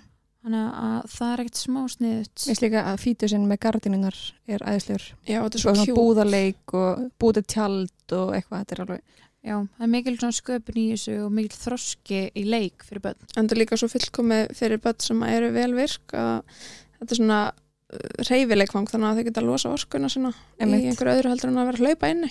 emitt. Mjög sniðut.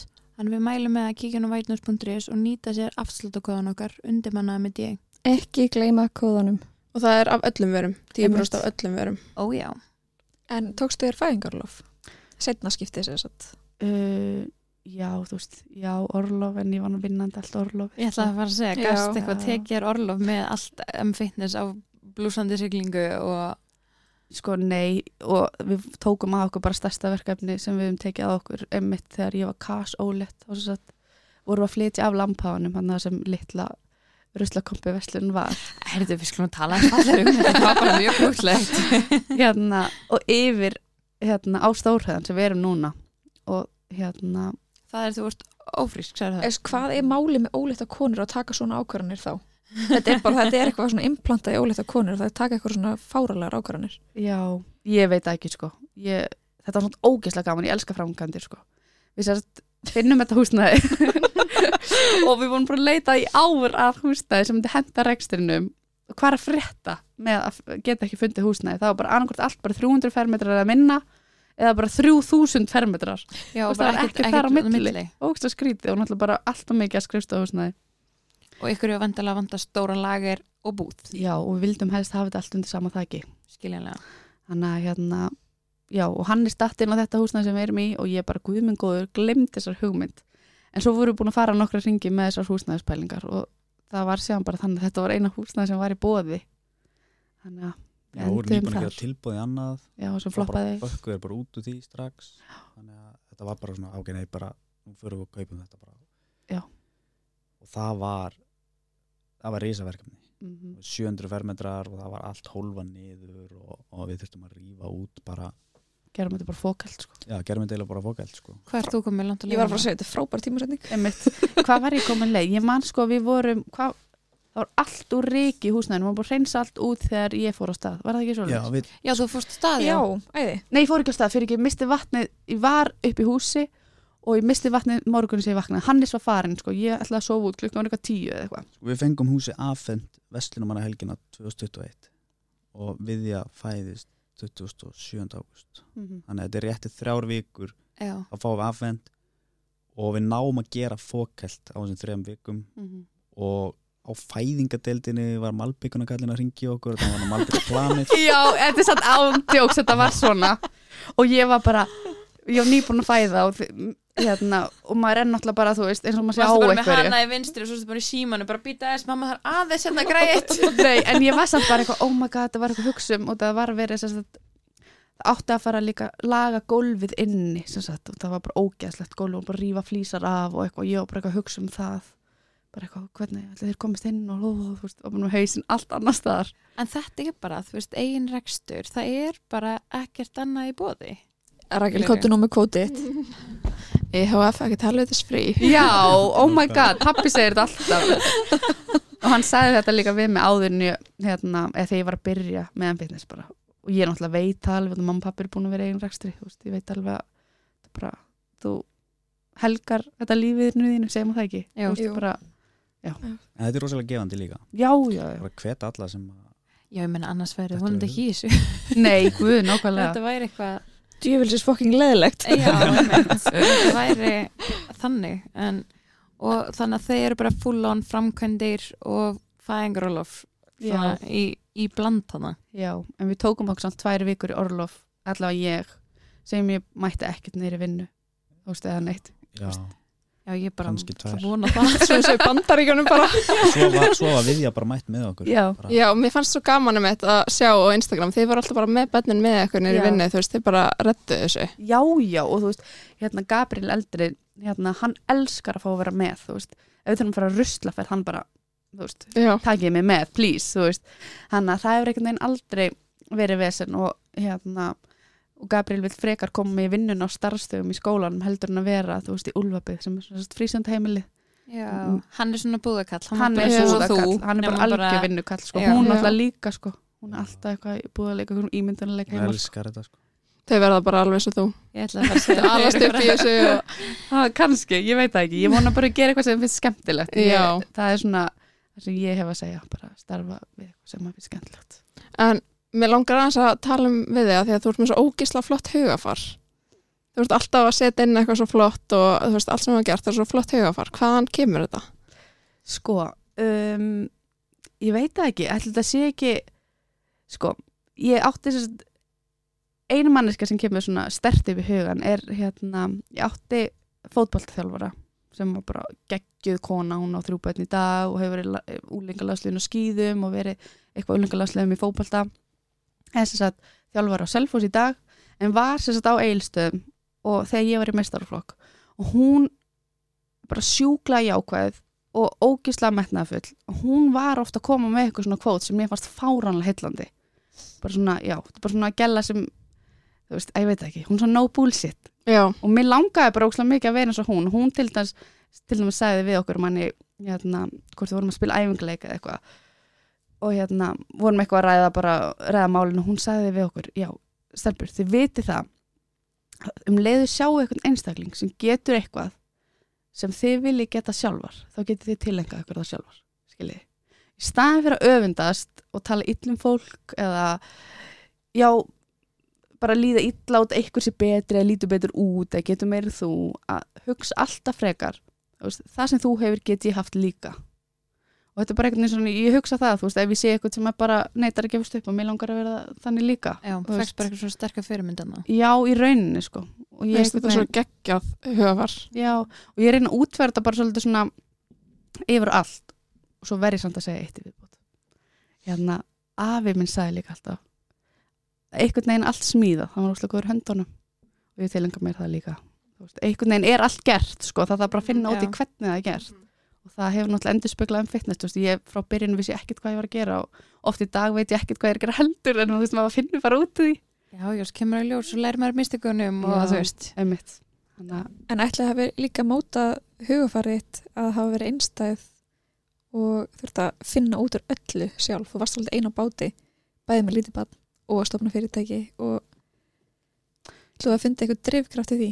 Já, klárlega, þú veist, hérna, maður færi náttúrulega motivation þegar þú, eða þú veist, þegar maður er á botninum, eins og ég var þá, að, þú veist, það er annarkvort bara að vera á botninum í volæði eða spilna sér, spilna sér upp úr þessu skilur. Og ég man alveg að ég upplegaði, þú veist, ég grenjaði eh, bara dag eftir dag eftir dag eh, sem sagt, á kvöldinu fyrir að sofa því að ég held bara að vera engin leið að ég myndi einhvern tímann eignast gott líf en skilur þannig ég geti bara verið fjárhagslega örug í húsnæði og átt eitthvað hérna eftir til þess að gera eitthvað skemmtilegt, þú veist, ég átti, ég man svo vel eftir því að hérna Gabriel var eitthvað mann veikur og ég átti einhversu fyrir livjónum, skiljið þú veist, ég átti bókstala engan pening og þú veist, þegar maður hefur verið á þessum stað þá, þú veist, þetta er bara ömulegt og hérna, og jú klarlega hefur þetta mótað mig á einhvern hátt, sko Það var líka þar bara svakalegt hugur ekki að taka þetta skref, þú veist, verandi á, eins og þú talar um sjálf, þú veist, að vera okkur um botni. Mhm. Þú veist, að taka þessa áhættu er náttúrulega bara svakalegt, þetta er bara hugafarið og hugur ekki, sko. Já, algjörlega, eða þú veist, já, ég held að held að þetta hafi pottitt mótað mig og svo hérna á þessum tíma var ég líka sálfræðing sem hjá heilsugesslinu sem kom alltaf, ég man, einu sem þetta í mánu, austur, það er náttúrulega ekki sálfræði þjónust á heilstöðum, kannski kom í dag, ég veit það ekki, en sem náttúrulega hjálpar líka og ég mæli með, þú veist, að fyrir fólk sem er að eiga eitthvað andlega erfitt eða bara ekki að fara til sálfræðings, það Já. er bara gott fyrir alla, sko. Já, mitt, samla því. En mér er alltaf mjög gaman að heyra varandi sískinni og svona sískina tengslin. Hvernig var það fyrir uh, strákin ykkar að eignast systur? Hann er búin að vera eitt svolítið lengi, eða ekki? Jú, hann var, var hann ekki sex ára þegar hérna við að fæðist. Jú, hann alltaf átti bróðir eða þessi ábróðir á Akureyri sem að Gabriel eitthvað fjagur ára þegar bróður hans fæðist hann báðum sískinu sínum tók hann bara mjög vel Ok. bara mjög duglegur Mm -hmm. og það var, al, hefur aldrei verið vesem sko Gekja. Þau eru oft svo erfitt með að dreifa aðtilinni. Já, já, hérna ég mun að lesa mér rosa mikið til um því ég var ókslega hrætt um þetta, hann er alltaf algjör mömmustrákur sko, en bara ótrúlegt en satt að finnst mér, ég man allavega ekki til þess að hann hafi átt eitthvað erfitt með þetta Nei, við býðum alveg eftir ég að kemja eitthvað en það var aldrei neitt sko. Nei, Þannig að, hann hefur alltaf verið rosa góð við hann og þau eru ótrúlega góði vinir Þú veist, ég veit ekki hvort að það sé bara eitthvað hvernig þau, þau eru sem einstaklingar eða hvort þessi aldur eða hvað, eða samblanda báðu en hérna, þau rýfast lítið ótrúlegt en satt Hann hefur kannski verið komin á þann aldur að hann skilur Já, allir það betur. ekki, Já, geti verið sex Já. ára þau eru- þau eru dett í- þau eru dætt í unglingaldurinn. En það er þetta svona, já, skilja, þú veist, skilja betur og útskýra og ræða hlutina. Þú veist, Mhm. þegar þú ert að fá sískina þessum aldrei, sko. -hmm. Ég er áttara þegar ég fæ sískina fyrst sinn, sko. Já, ég líka. Aha. Það er sérst yngri sískinni, ég Já. átti eldri Já. sýstir. Það eru átta og tólf ár í, í bræði mína. Vá, Það er sko nefnilega fimm ára mellir mín og bróðum minn, svo ég varð ekkit eðlilega afprísum. ok. Þú veist, það var bara, ef bróðum minn fekk aðtilli þá þurfti ég líka aðtilli. Oh my god, já, ætli það sé samt ekki bara einstakling. Ég, Jú, Jú, ég held þetta það, er bara þú með veist. ísmjöndi hvernig börn eru og hvernig þú veist, þau eru búin að móta sig sem persónleikar hvernig það gerist sko. Já. þú hefur bara verið eitthvað prinsessa Og Og góðu ef, börn. þú, ef þú spyrð manni minn verði ég það ennþá nákvæmlega en þið eru nú ekki bara með fyrirtæki þið eru í alls konar verkefnum þið eru líka að byggja ykkur hús eða ekki jú, það er rétt okkur vantaði alltaf ég ætlaði bara að segja að það Já, var ekki nóg nóg að gera hjá hjá okkur hvernig gengur það?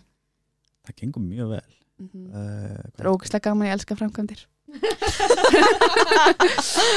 Ég veit ekki hvort ég að taka þessu stjóki eða ekki. Þetta, sko, annarkort finnst þið framkvæmdi skemmtilegar eða leðilegar. Já. Eða ég Já. allavega þekki bara fólk sem finnst það bara ógeðslega leðilegt eða ógeðslega skemmtilegt. Ég hef aldrei hitt mann sem er bara, ah, þú veist. Já, ég var svona Æ, þú tengda með mér, sko, hún elskar þegar, tengda pappminn elskar þegar nóg mikið að gera hjá henni að sinna að passa og hitt og þetta, því annars verður hún að breyta húsinu.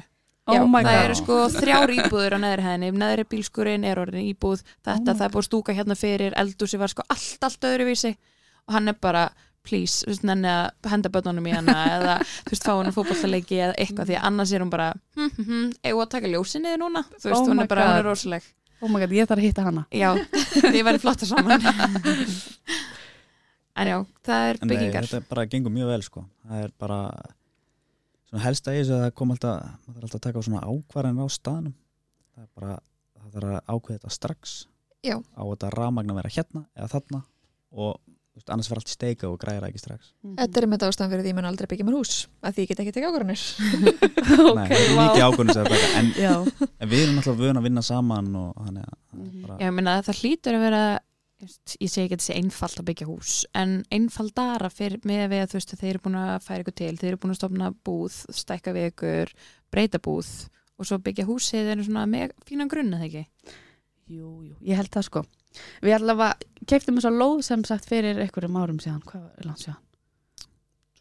2019 örgulega Já, og ætluðum alltaf að fara í að stekka við okkur út af við vorum í mjög lítill íbúð. En svo bara tók reksturinn allan tíman í heiminum og hérna, og peninga og peninga og hérna og já, og svo bara hófist við handa svona við að matla að láta teikna fyrir okkur og svona og vorum í tvö ár í teiknuferlinu Tvö ár. já, en það var bara, við vildum ekki rössita neitt og þegar við vorum bara að drukna í vinnu sko. eru þið bara þeir basically að gera draumahúsið ykkar, myndið þið segja það svona upp á einhverju, einhverju marki svona fyrst að það tók tvö ára að teikna já, þetta ég held svona innan byggingarreitsins já, Já, já, já, já, já, þá er já. þetta já, þá er þetta drauma með við lóðina, það sem Já. þið megið gera þú já, veist. já, ég held að við allavega pældum mjög mikið í þessu og gerðum alveg breytingar Við erum að og gera svona. þetta allt öðru sem önnur hús í götunni held ég sko, þú veist, eins Já. og þetta er náttúrulega hús á tveimur hæðum við erum með eldhúsið og allt á neðri hæðina menn allir með efri hæðinni og, þú veist, við erum alveg að gera þetta bara eins og okkur langaði já, Mm. sem er geggjað. og hérna það verður bara gaman að sjá útkomana Hvað er það að gera mikið sjálf eða? Þú veist bara hafið tími í það. Nei, það var planið Mhm. en það verður ekki hann er sér sko ógeðslega handlegin það er bara eiginlega fáránlegt, hann bara getur gert allt og þú þarfst að vera lögfræðingur samt. Já, ég hefði betur, betur en farið hann, í, hann, hann er nefnilega svona áveðan að gegja að kost hérna, hann með, já, sem ég bara dyrka, hann bara, ef hann kann ekki eitthvað þá tilengar hann sér að bara áður, áður en þú nærða að blikka, það er bara ótrúlegt eins og þegar við tókum hann að stórhöðan hann að, sem við erum í núna hann bara kunni ekki að tengja eitthvað, að græja eitthvað hann bara hringdi í vin og þá bara lærði hann þetta og gera þetta, græja þetta bara wow, ógstæðan aðeins og því líku spartnaður Já. að gera, geta gert þetta, nei, í alvörinni já, það er það Þannig hann að- munur öllu En hvað er húsið statt núna? Þú veist, er, þið, er það bara fókælt í raun og veru? Er það komið aðeins lengra? Já, það er aðeins lengra en fókveld það er komni vekkir inni og, og, og hérna svona að nálgast byggingast í fimm ef að Já. Það er svona til, já, tilbúið til trefark Tilbúið til einninga. tilbúið til einintinga Er það planið hjá ykkur eins og öllum flytt inn fyrir jól? eða- Já, það var fyrir hinn jólin sko, en- en hérna uh, inn fyrir sumari núna mm en þá bara, við, við förum bara inn í þetta hurðalaust Já, og, einmitt. og, og, veist, svo verðum við bara að klára þetta eins og við getum sko. Mhm. bara, Ég mælu bara með hérna að setja í gólistana áður en Já. það flytja inn. já, Raklesa sett nýflutin Nýflytti, ég flytti síðasta sumar. Já, ok, fokk, tími líður Já, og við kjöptum með mitt á byggjast í eila 4,5. Er ekki bara að svipa ykkur en núna eða eitthvað. Og hérna það er ekki ennþá konu gólistar. Nei, ég, er- það er, bara- sko, ég er mest hrættu við það þegar við förum inn, að þá fara að hægja á öllu, þá er Já. það bara svona úf, En okay, maður fær líka alveg svona ógeð á einhverjum tímapunkti. já, Að búa í svona framkvæmdum Mhm. og vera að sinna allir ofir í vinnu. Þú veist, það er alveg meira en að segja, sko. en nú erum við náttúrulega búin alltaf inn á fóreldri mínum Mhm. búin að búa Og, þar þú í veist. fimm mánuði það er partí, partí með fullri virðingu Ég sko, fyrir foreldrum við þurfum að mínum og öllu, setja, sko. við þurfum að setja svona crickets hljóð. Nei, þetta er bara en það gengur furðu vel Já. ég var ógæsla stressuð og ég hef búið eins sem 18 ára sko. ég er bara guð minn góður og núna með kall og tvö börn og ég er frá að flytja inn í heimahús eða þú veist, hús, til Já, tengdafóreldra bara minni legg- þokkabót bara uff, og þau voru lausu börnin voru bara fann að slappa af Já, svo bara kem ég aftur Hæ þannig að En ég meina, þú veist Ég kem með konu á börn Já, en er það ekki fínt að, þú veist, að maður að passa og eitthvað svona? jú, jú, en þau eru bara svo núna en Já. þau eru enda sofandi en Já, þau já, lustu þetta já. já. þannig að Þannig að það er, það er fínt að hafa bakland svona með við allt sem þið er að gera. Já, já, en svo er ég bara náttúrulega nýrað sko í sálinni, ég er bara, ég mætti upp í rúm bara hálf nýju sko auðvitað segir mér, þegar því sögðu mér koma hinga hálf nýju þá var ég bara, oh my god, það er komin átta tími hjá mér Nei, alveg, ég reynir samt að fara snemma að sofa, þú veist, fyrir mér er það bara þú veist, líkillin á að eiga góðan dag daginn eftir er að ná góðum nætusöfn Já, þannig að ég reynir svona að gera vel við mig með því að vera- fara snemma að sofa já. Ég sko, ég er í alveg nærinn að púsla alltaf saman í hausnum Þú veist, minnst mikið að gera okkur sko En þeir eru að byggja hús og með eigin rakstur og með tvö börn Hvar eru það komið sér fyrir í sólaringnum? Já, svona til mittiltíðinni opnum við búið á Akureyri Já. bara í september vorum við að vinna í því Þið hendið henni bara upp bara svona. já við hendum henni bara ég byrja að keira með dót norður bara í síðasta sumar tók bara alltaf, í- fór eitthvað tvætra ferðir og, og svo hvernig var það? Ágúst þá Sem- eiginlega bara fer ég og bara bí á Akureyri ég fer með tjaldvagn aft- aftan í M-Fitness send- sendibílum bí á tjaldstæðum og humrum Jú, og ég var þar í viku og svo var, þetta var svo langt liðin í ágúst og það var eiginlega orðið skít kallt sko, þannig að hérna, þá flutti ég inn til Frank og Maríu og hérna Þannig að sem er við- svona eins og sýsti mín sem betur fer já, hún er svo góð við okkur, alltaf að gera eitthvað fyrir þetta var bara rumpað af á mánuði Já, Var þetta bara eitthvað hugmynd sem kom allt í henni og var þetta búið lengi í, í, að matla? nei, þetta var voða spontant sko. Okkur langaði að opna búð og við vorum alltaf, já, æ, við vorum með annað í pípunum sem ég veit ekki hvort ég að segja eitthvað frá. Jú. Jú, jú, Hvað með Við vorum sérst aðeins byrja að vinna í að fara erlendis. Nei, Hannes. Mm. En svo fenguð þessa fluguhausun eða ég og Hannes náttúrulega heldur alltaf í þessi brjálið því að ég fæ svona stundabrjálaði og fæ svona frábæru hugmyndir sem hann elskar því hann þarf að vinna mikið Já. í þessum hugmyndum. Hérna, þá letum við hitt á pásu Já. og svo opnum við, fórum bara fullt, á fullt í að vinna í agurabúðinni og komum henn á lækirnar og hún bara stendur þarna síðan í september, náttúrulega nýja nálinni, þú veist. En gengur vel, sem betur fer. Ég meina, lagarsalan um daginn var störluð. Já, Ég það fekk var alveg- feitt fómo sko Ég Ég var bara, ég er, ég er að missa af ykkur mjög miklu sko Æ, þú er bara að mæta næstu Taka flugið yfir. Já, æ, nei, við elskum landsbyðina Ég veit ekki, alltaf, bara frá byrjun þá hefur hérna, landsbyðalið þú veist, Akureyri og Sveitinnar og, og Östfyrir okkur tekið svo ógisla þétt utanum mig Ég veit ekki hvort það sé út að ég er á landsbyðinni Það er 100% það Já, eða þú veist, það er bara einhvern veginn við finnum alltaf ógeðslega mikinn stuðning hérna frá landsbyðinni og það er svona, fannst mér bara réttast að opna þarna líka svolítið bara svona. Sigur að Ísland áður en þið ætlu út. Var það ekki svona gott? Æ, ég veit það ekki, æ, ég bara þú svo er veist, Akureyri bara get nice já, akkur Gaman að koma æðislu þarna staðir Já. og vera Já. þarna. þetta er bara Sammála. svona fullkomin stærð á bæ Já, við segjum alltaf við komandi bara, vá, við getum alveg hugsað okkur að búa hérna. Mhm. Mjög næ, sko. En svo er eitthvað annað að fara að gerast Já, það er sem að þú ætlar að revíla revíla. hérna í þættinum Trommusláttur, næ, oh tjók. my god. En já, við erum svolítið að, hérna, að fara að kaupa annað fyrirtæki. Já, af því það var ekki alveg nóg að gera. Það á er þarna- ekkert að gera hjá þeim Nei. Þau eru alveg bara, þau búrið nefið og þú veist. Hvað er það að tala um? Á, ég segi það með hannes. já, þú Kottum við það. Oh, ok. Eins og heyrið áðan, þá á mamma mín verslun á Elstu, sem við erum að fara að taka. Þannig að við erum að fara að hérna, kaupa fóreldra minn út og þau ætla að fara aðeins að slappa af. Vá, Já. Vel gert. Þannig að þetta er svolítið svona fyrir utan það sem við erum, eða jú, þetta er náttúrulega búð en það er allt öðri sér rekstur heldur en við höfum verið í.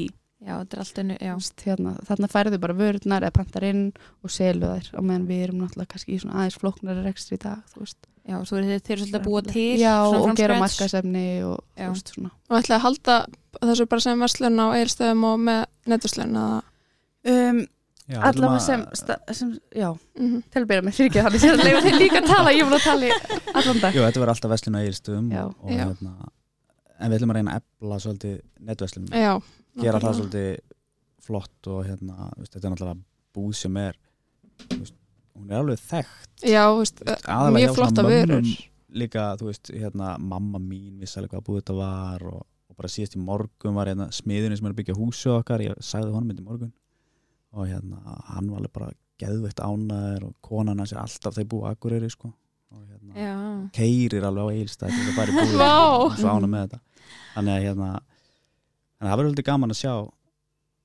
gaman að fara yfir svona annan fatabransa já, algjörlega sko og þarna er svona ég er rosalega tilfinningalega tengd þessari vestlun Já. veit ég hvort ég, hvernig ég á að útskýra þetta betur en það en náttúrulega ég er búin að veflast í þessu með fóreldur mín frá því ég var bara barn og frá því mann eftir mér þannig að hérna ég tók ekki annað í mál en ég myndi taka við þetta fyrst að þau vildu byrja að slappa af sko eða þú ert farið að vinna minna já, þannig að hérna, ég er bara ógisla spennt en ógisla stressu líka já en er það ekki gott, þú veist, nota stressi bara sem, þú veist, smá elsniti í þetta. jú, jú, allt gott eða þú veist, allt stressu gott í hófi held ég sko Já. Svo er þetta þannig að- að hérna, börnin ykkar taka við M-fitness og svo bara rúlar þetta. Já, það, þú veist, vonandi eða ekki skiljið, ég bara eins og ég segi, sagði áðan, þú veist, bara börnin finna eitthvað sem finnst skemmtilegt, þú veist, ekki fara í eitthvað sem- af því að eitthvað sagðir að fara í þetta nám eða eitthvað. Ég held að maður verði aldrei ánæður nema maður sé, þú veist, þú ert í vinnunni mest megnin að lífinu og eður öllum deginum og verið að gera eitthvað sem þú ert bara, ert bara miserable, þú veist, það er ömulegt. já, Þannig að hérna, ég held að það sé svolítið svona, eitt leikill á hamingju er að vera í starfi sem maður hefur mest megnis gaman af. Já, þú farði ykkur ánægi af því. Já, Já. verður að gefa mann eitthvað, sko. Ég er samt orðin nokkuð vissum að þau sem með 36 klukkutíma sólaring. Já, þau, þau eru ekki með 24 sko, þau eru með eitthvað að fara að rannsaka þetta. en það er bara, þú veist, þið bara vendalega ná að púsla þessu saman, ég meina þið, eru ekki, þið eru hamingi svo saman og, og gengur vel, þannig að þið getið þetta. Þannig að af hverju ekki að, að setja eitthvað fleiri krefandi verkefni á sig? En mér finnst það alveg svona í lámarki kannski að splæsa í húsbíl ef við ætlar að senda aftur Hannes gista á eilstöðum eða eitthvað. Hann hlýtur nú að geta fengið að vera hjá tengdó. já, fyrir austan Já. Já. ákvæðlega tjaldvagnir Er hann- Já, Já, það væri fínu húsbíl. sinni, sko, bara- Er hann eða til eða? Tjaldvægnin er það til? já, já, eða? já, já, ég fengum að lána henni með um pappa Já, ok. hann er bara, Hann er í góðan gýr. Hannes, hann er svo svona ekki snobbaður sko. hann myndi bara ándjóst bara tjaldi einhverju Vodafone kúlu tjaldi út í garði á okkurum hún væri alveg sama, færi styrti mér sundlöginni fannst þetta sem Þú bara veist. gaman ég elska að vera útilegu og þú veist, við höfum aldrei tíma til að vera útilegu þannig að þetta svona blandaðist aðeins ég var bara í smá útilegu feeling maður ég sagði mönnunum sem voru að vinna þarna á Akureyri, ég voru eitthvað að spyrja hvað er gist ég, að ég bara tjaldvagnir það er andrið sko. uh, Þú veist það eru hótel og svona hérna á Akureyri. Já, nákvæmlega, það er allt Spara peningin já, Mér finnst það ógeðslega fyndið. Já, mér finnst það mjög gott sko. svo voru við mitt, veist, á þessum tíma þá voru við svona fjarsambandi því veitir hann var akkur í tjaldvagnum og ég heima að hugsa um bönnin hérna, hann sendi mér alltaf mynda hvað hann var að borða þú veist, hann var náttúrulega bara með þú veist, ein, eina hellu og náttúrulega bara kefti sér í bónus og bara guð minn góður, oi, hann var bara að kaupa ykkur að dósa humasúpu, hvað varst að kaupa ég man bara að hugsa tilbaka bara eitthvað, hann var að kaupa eitthvað viðbjó, elda eitthvað sem við myndum aldrei elda heima Humarsúpa, er það ekki gott? Jú, jú, Jú, en kannski eitthvað dós. og eitthvað svona, ég er bara eitthvað, ó, ekki- af hverju ferðið ekki bara söpvei eða eitthvað sem rann og bara nei Við erum svo gaman, þú veist við gera kaffi í tjaldvagnunum svona. Þetta var einhver ævintýra mennski Já, sem, sagt, þetta var sem að þú ævintýra. varst að að uppbytta Ég, ég elska svona ævintýri eins og, veist, eins og allt í kringum þetta opna á akkur er að keira norður með allt rastlið og eitthvað, mér finnst þetta bara gekkja Já. hérna- Það er gott að þið er að fyrir nýja ævintýri á eilstöðum Þú getur hérna- Já, bæli, það eru 800 kilometrar, ég er alveg nýju tíma að keira Ég, þú getur stoppað á leiðinni í alls Já. konar og með hitaður humarsúpuna hérna Já, stoppar nú bara á höfni hóðna fyrir að fæsa þessi humasúfu. Já, já. segi það Já, nei, nei, allt það, er, þú veist, það er alltaf að fara í reksturinn sko. það er að vera klókur Veiði humarinn sjálf á Já, leiðinni Það verður komið fiskvinnsli fyrir þegar næsta ári. þið verður búin að kaupa einhvern veitingarstaðan ég veit af Úf, Já, Þar, þar, þar dregur Þar línuna. já, dregur línuna. maður verður maður ekki að hafa einhverja þekking á því sem maður er að gera Já, veistu, ég hef fulla trú á þér sko. Æ, YouTube myndi ábygglega geta kent mann helling þar líka sko, ef maður maður hefði áhuga hann sko. já, þú getur já, bara já, eitthvað að beða hann um Það að vinna geta fyrir allir þig. grilla hambúrgara, sko. já, satt svo ógislega leðilegt að elda sko. Aha, veist það, já Er þú að elda? Hannes? Ég, Já. já. Já. ég var að leita hvað ég var að byrja já, jú, ég, ég held að eiginlega alltaf sko. Já. það er svona Ég er mitt forðast eldur sem mitt, sko, þannig að það er bara, þetta er, þetta er mjög ákvæmt ef að an annarkvort getur eldað. það var frábært að geta skipt með þessu verkum sko. og Já. er þetta líka bara eins skýrara og, og hérna Sammála. já. Mhm. En þeir sem fjölskylda, er eitthvað svona áhagamál sem þið gerir saman og eitthvað svona, þegar þið eru ekki að byggja hús og kaupa nýtt fyrirtæki eða í vinnunni? Veit ekki hvar þú ert að koma því að en ok, ég er spennt að yeah, heyra svarið Ég held að þau hafa alveg eitthvað. Sko, það er kannski ekki beint áhugamál en upphaldi mitt í öllum heiminum er að fara í sömabústaðan sem tengd á.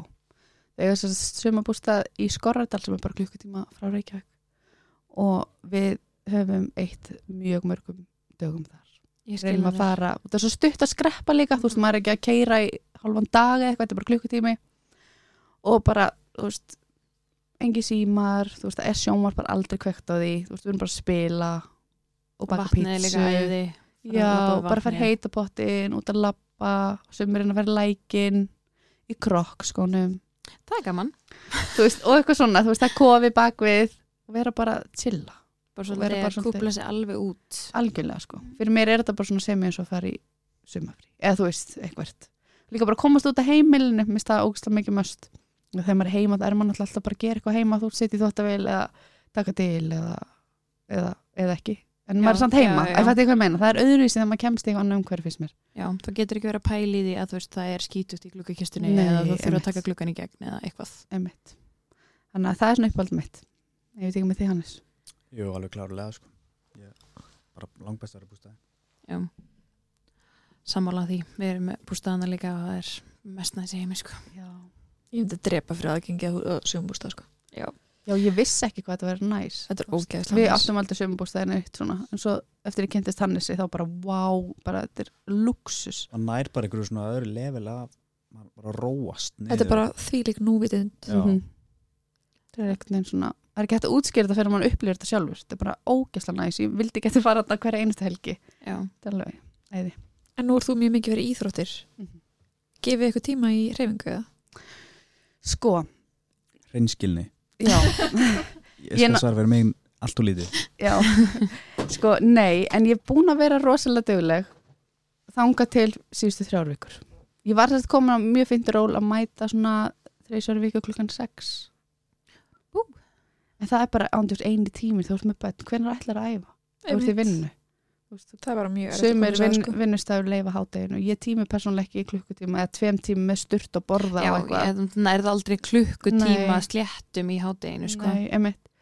Þannig að það var bara, og ég er ekki að fara að gera neitt setnipartin, ég tími bara, ég ekki tíman frá börnunum, þú veist, þau koma heim klón fjögur og það þarf að lesa og læra, náttúrulega Gabriel er komin í annan bekk og mér finnst brókslan næs að vera heima með þeim, þú veist, að elda matinn og, eða hann- horfa á Hannes elda matinn, en þú veist, að vera bara alls saman og svo bara klón átta, hálf nýður ég komin upp í rúm. Já, Það er vindar alveg eitthvað velgert sko. ég reyndi aðeins klukkan átta mæta klukkan átta á kvöldin sko já, já, já. næ vetur, það gekk ekkert voðalega vel Það er bara þreyttur búin að vaka. já, maður er bara nýpun svo hefbötnin og já. maður er bara að sofa sko. Já, það er, það er erfiðara þegar einhvern veginn róin er komin heima að fara eitthvað, jæja, hvað eru prívorkáðið skilur? Emitt. já, Meikar þurfa ekkert svo- þurfa svo að ná sér aftur niður Já. það er erfitt en já, En þið eru kannski nóg sko. mikið á fullu í vinnunni, Já, já. fáið ákveðna reyfingu þar.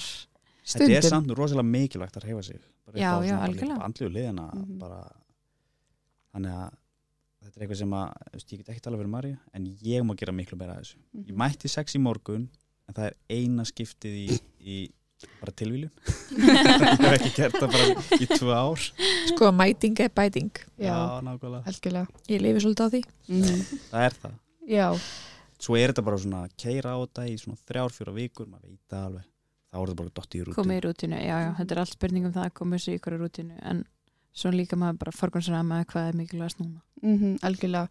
Og ég viðkjörn það alveg, ég fórnaði, fórnaði reyfinguna alveg um tíma þegar var sem mest að gera og ég voru að gera sem mest sjálf, þú veist, áður en ég hafði tökka á ráð og starfsfólk.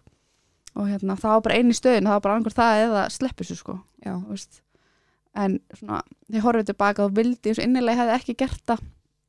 En hérna, en þú veist, þetta er eins og það er og núna er, já, bara nýr dagur og þú veist, æfingu morgun, eða skilji Já, maður getur ekkert vera hérna, Við erum líka alls bara unga fersk, sko. Já, það er ekki sem nákvæmlega. við séum eitthvað gömul, sko.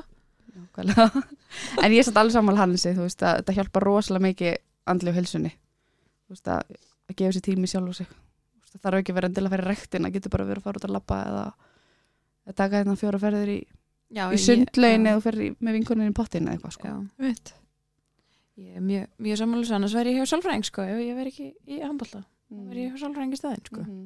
Andri verður leiðil í skapinu fyrir ekki rættina sko. já, ég skil það bara mjög vel ég var svona, þú veist, þegar hreyfing var lífið en síðustu fjóra ár breyttur Ég, guð, ég bara skildi bara mjög vel sko en það er líka einmitt þessi tími þú veist sem maður vill svo fá með þeim setnibartinn, mm. veist, þetta er allar að fórna þessu fyrir einhvað svo ég er eitthvað að sprikla með eitthvað heldutsbólta Mhm. eða allar að vera heima og njóta og finna lyktin úr eldursunni mm. Mhm. einmitt þannig að þetta er bara misjönd hvernig þetta En takk æðislega fyrir að koma til okkar í spjall. Það var mjög gaman að fá okkur. já, takk, Bara Þetta takk fyrir fá að bjóða okkur, þetta er bara mjög gaman er en það er ekki bara jú, ógislega gaman, þeir eru mjög skemmtilegar já, já, takk, ha, takk fyrir, takk fyrir. en ánægilegt að heyra Koma þá hraða spurningarna núna í loki Já. Já, ég sérst með lista núna fyrir hérna, þetta er svona helst varandi þriðvættina. Til mín þá það Uh, já. Og hérna, við ætlum að vera með stígagjöflókin. Nei, takk æðislega fyrir að koma. Takk, takk en við kveðum nú á Sirius Studio podcast eða annars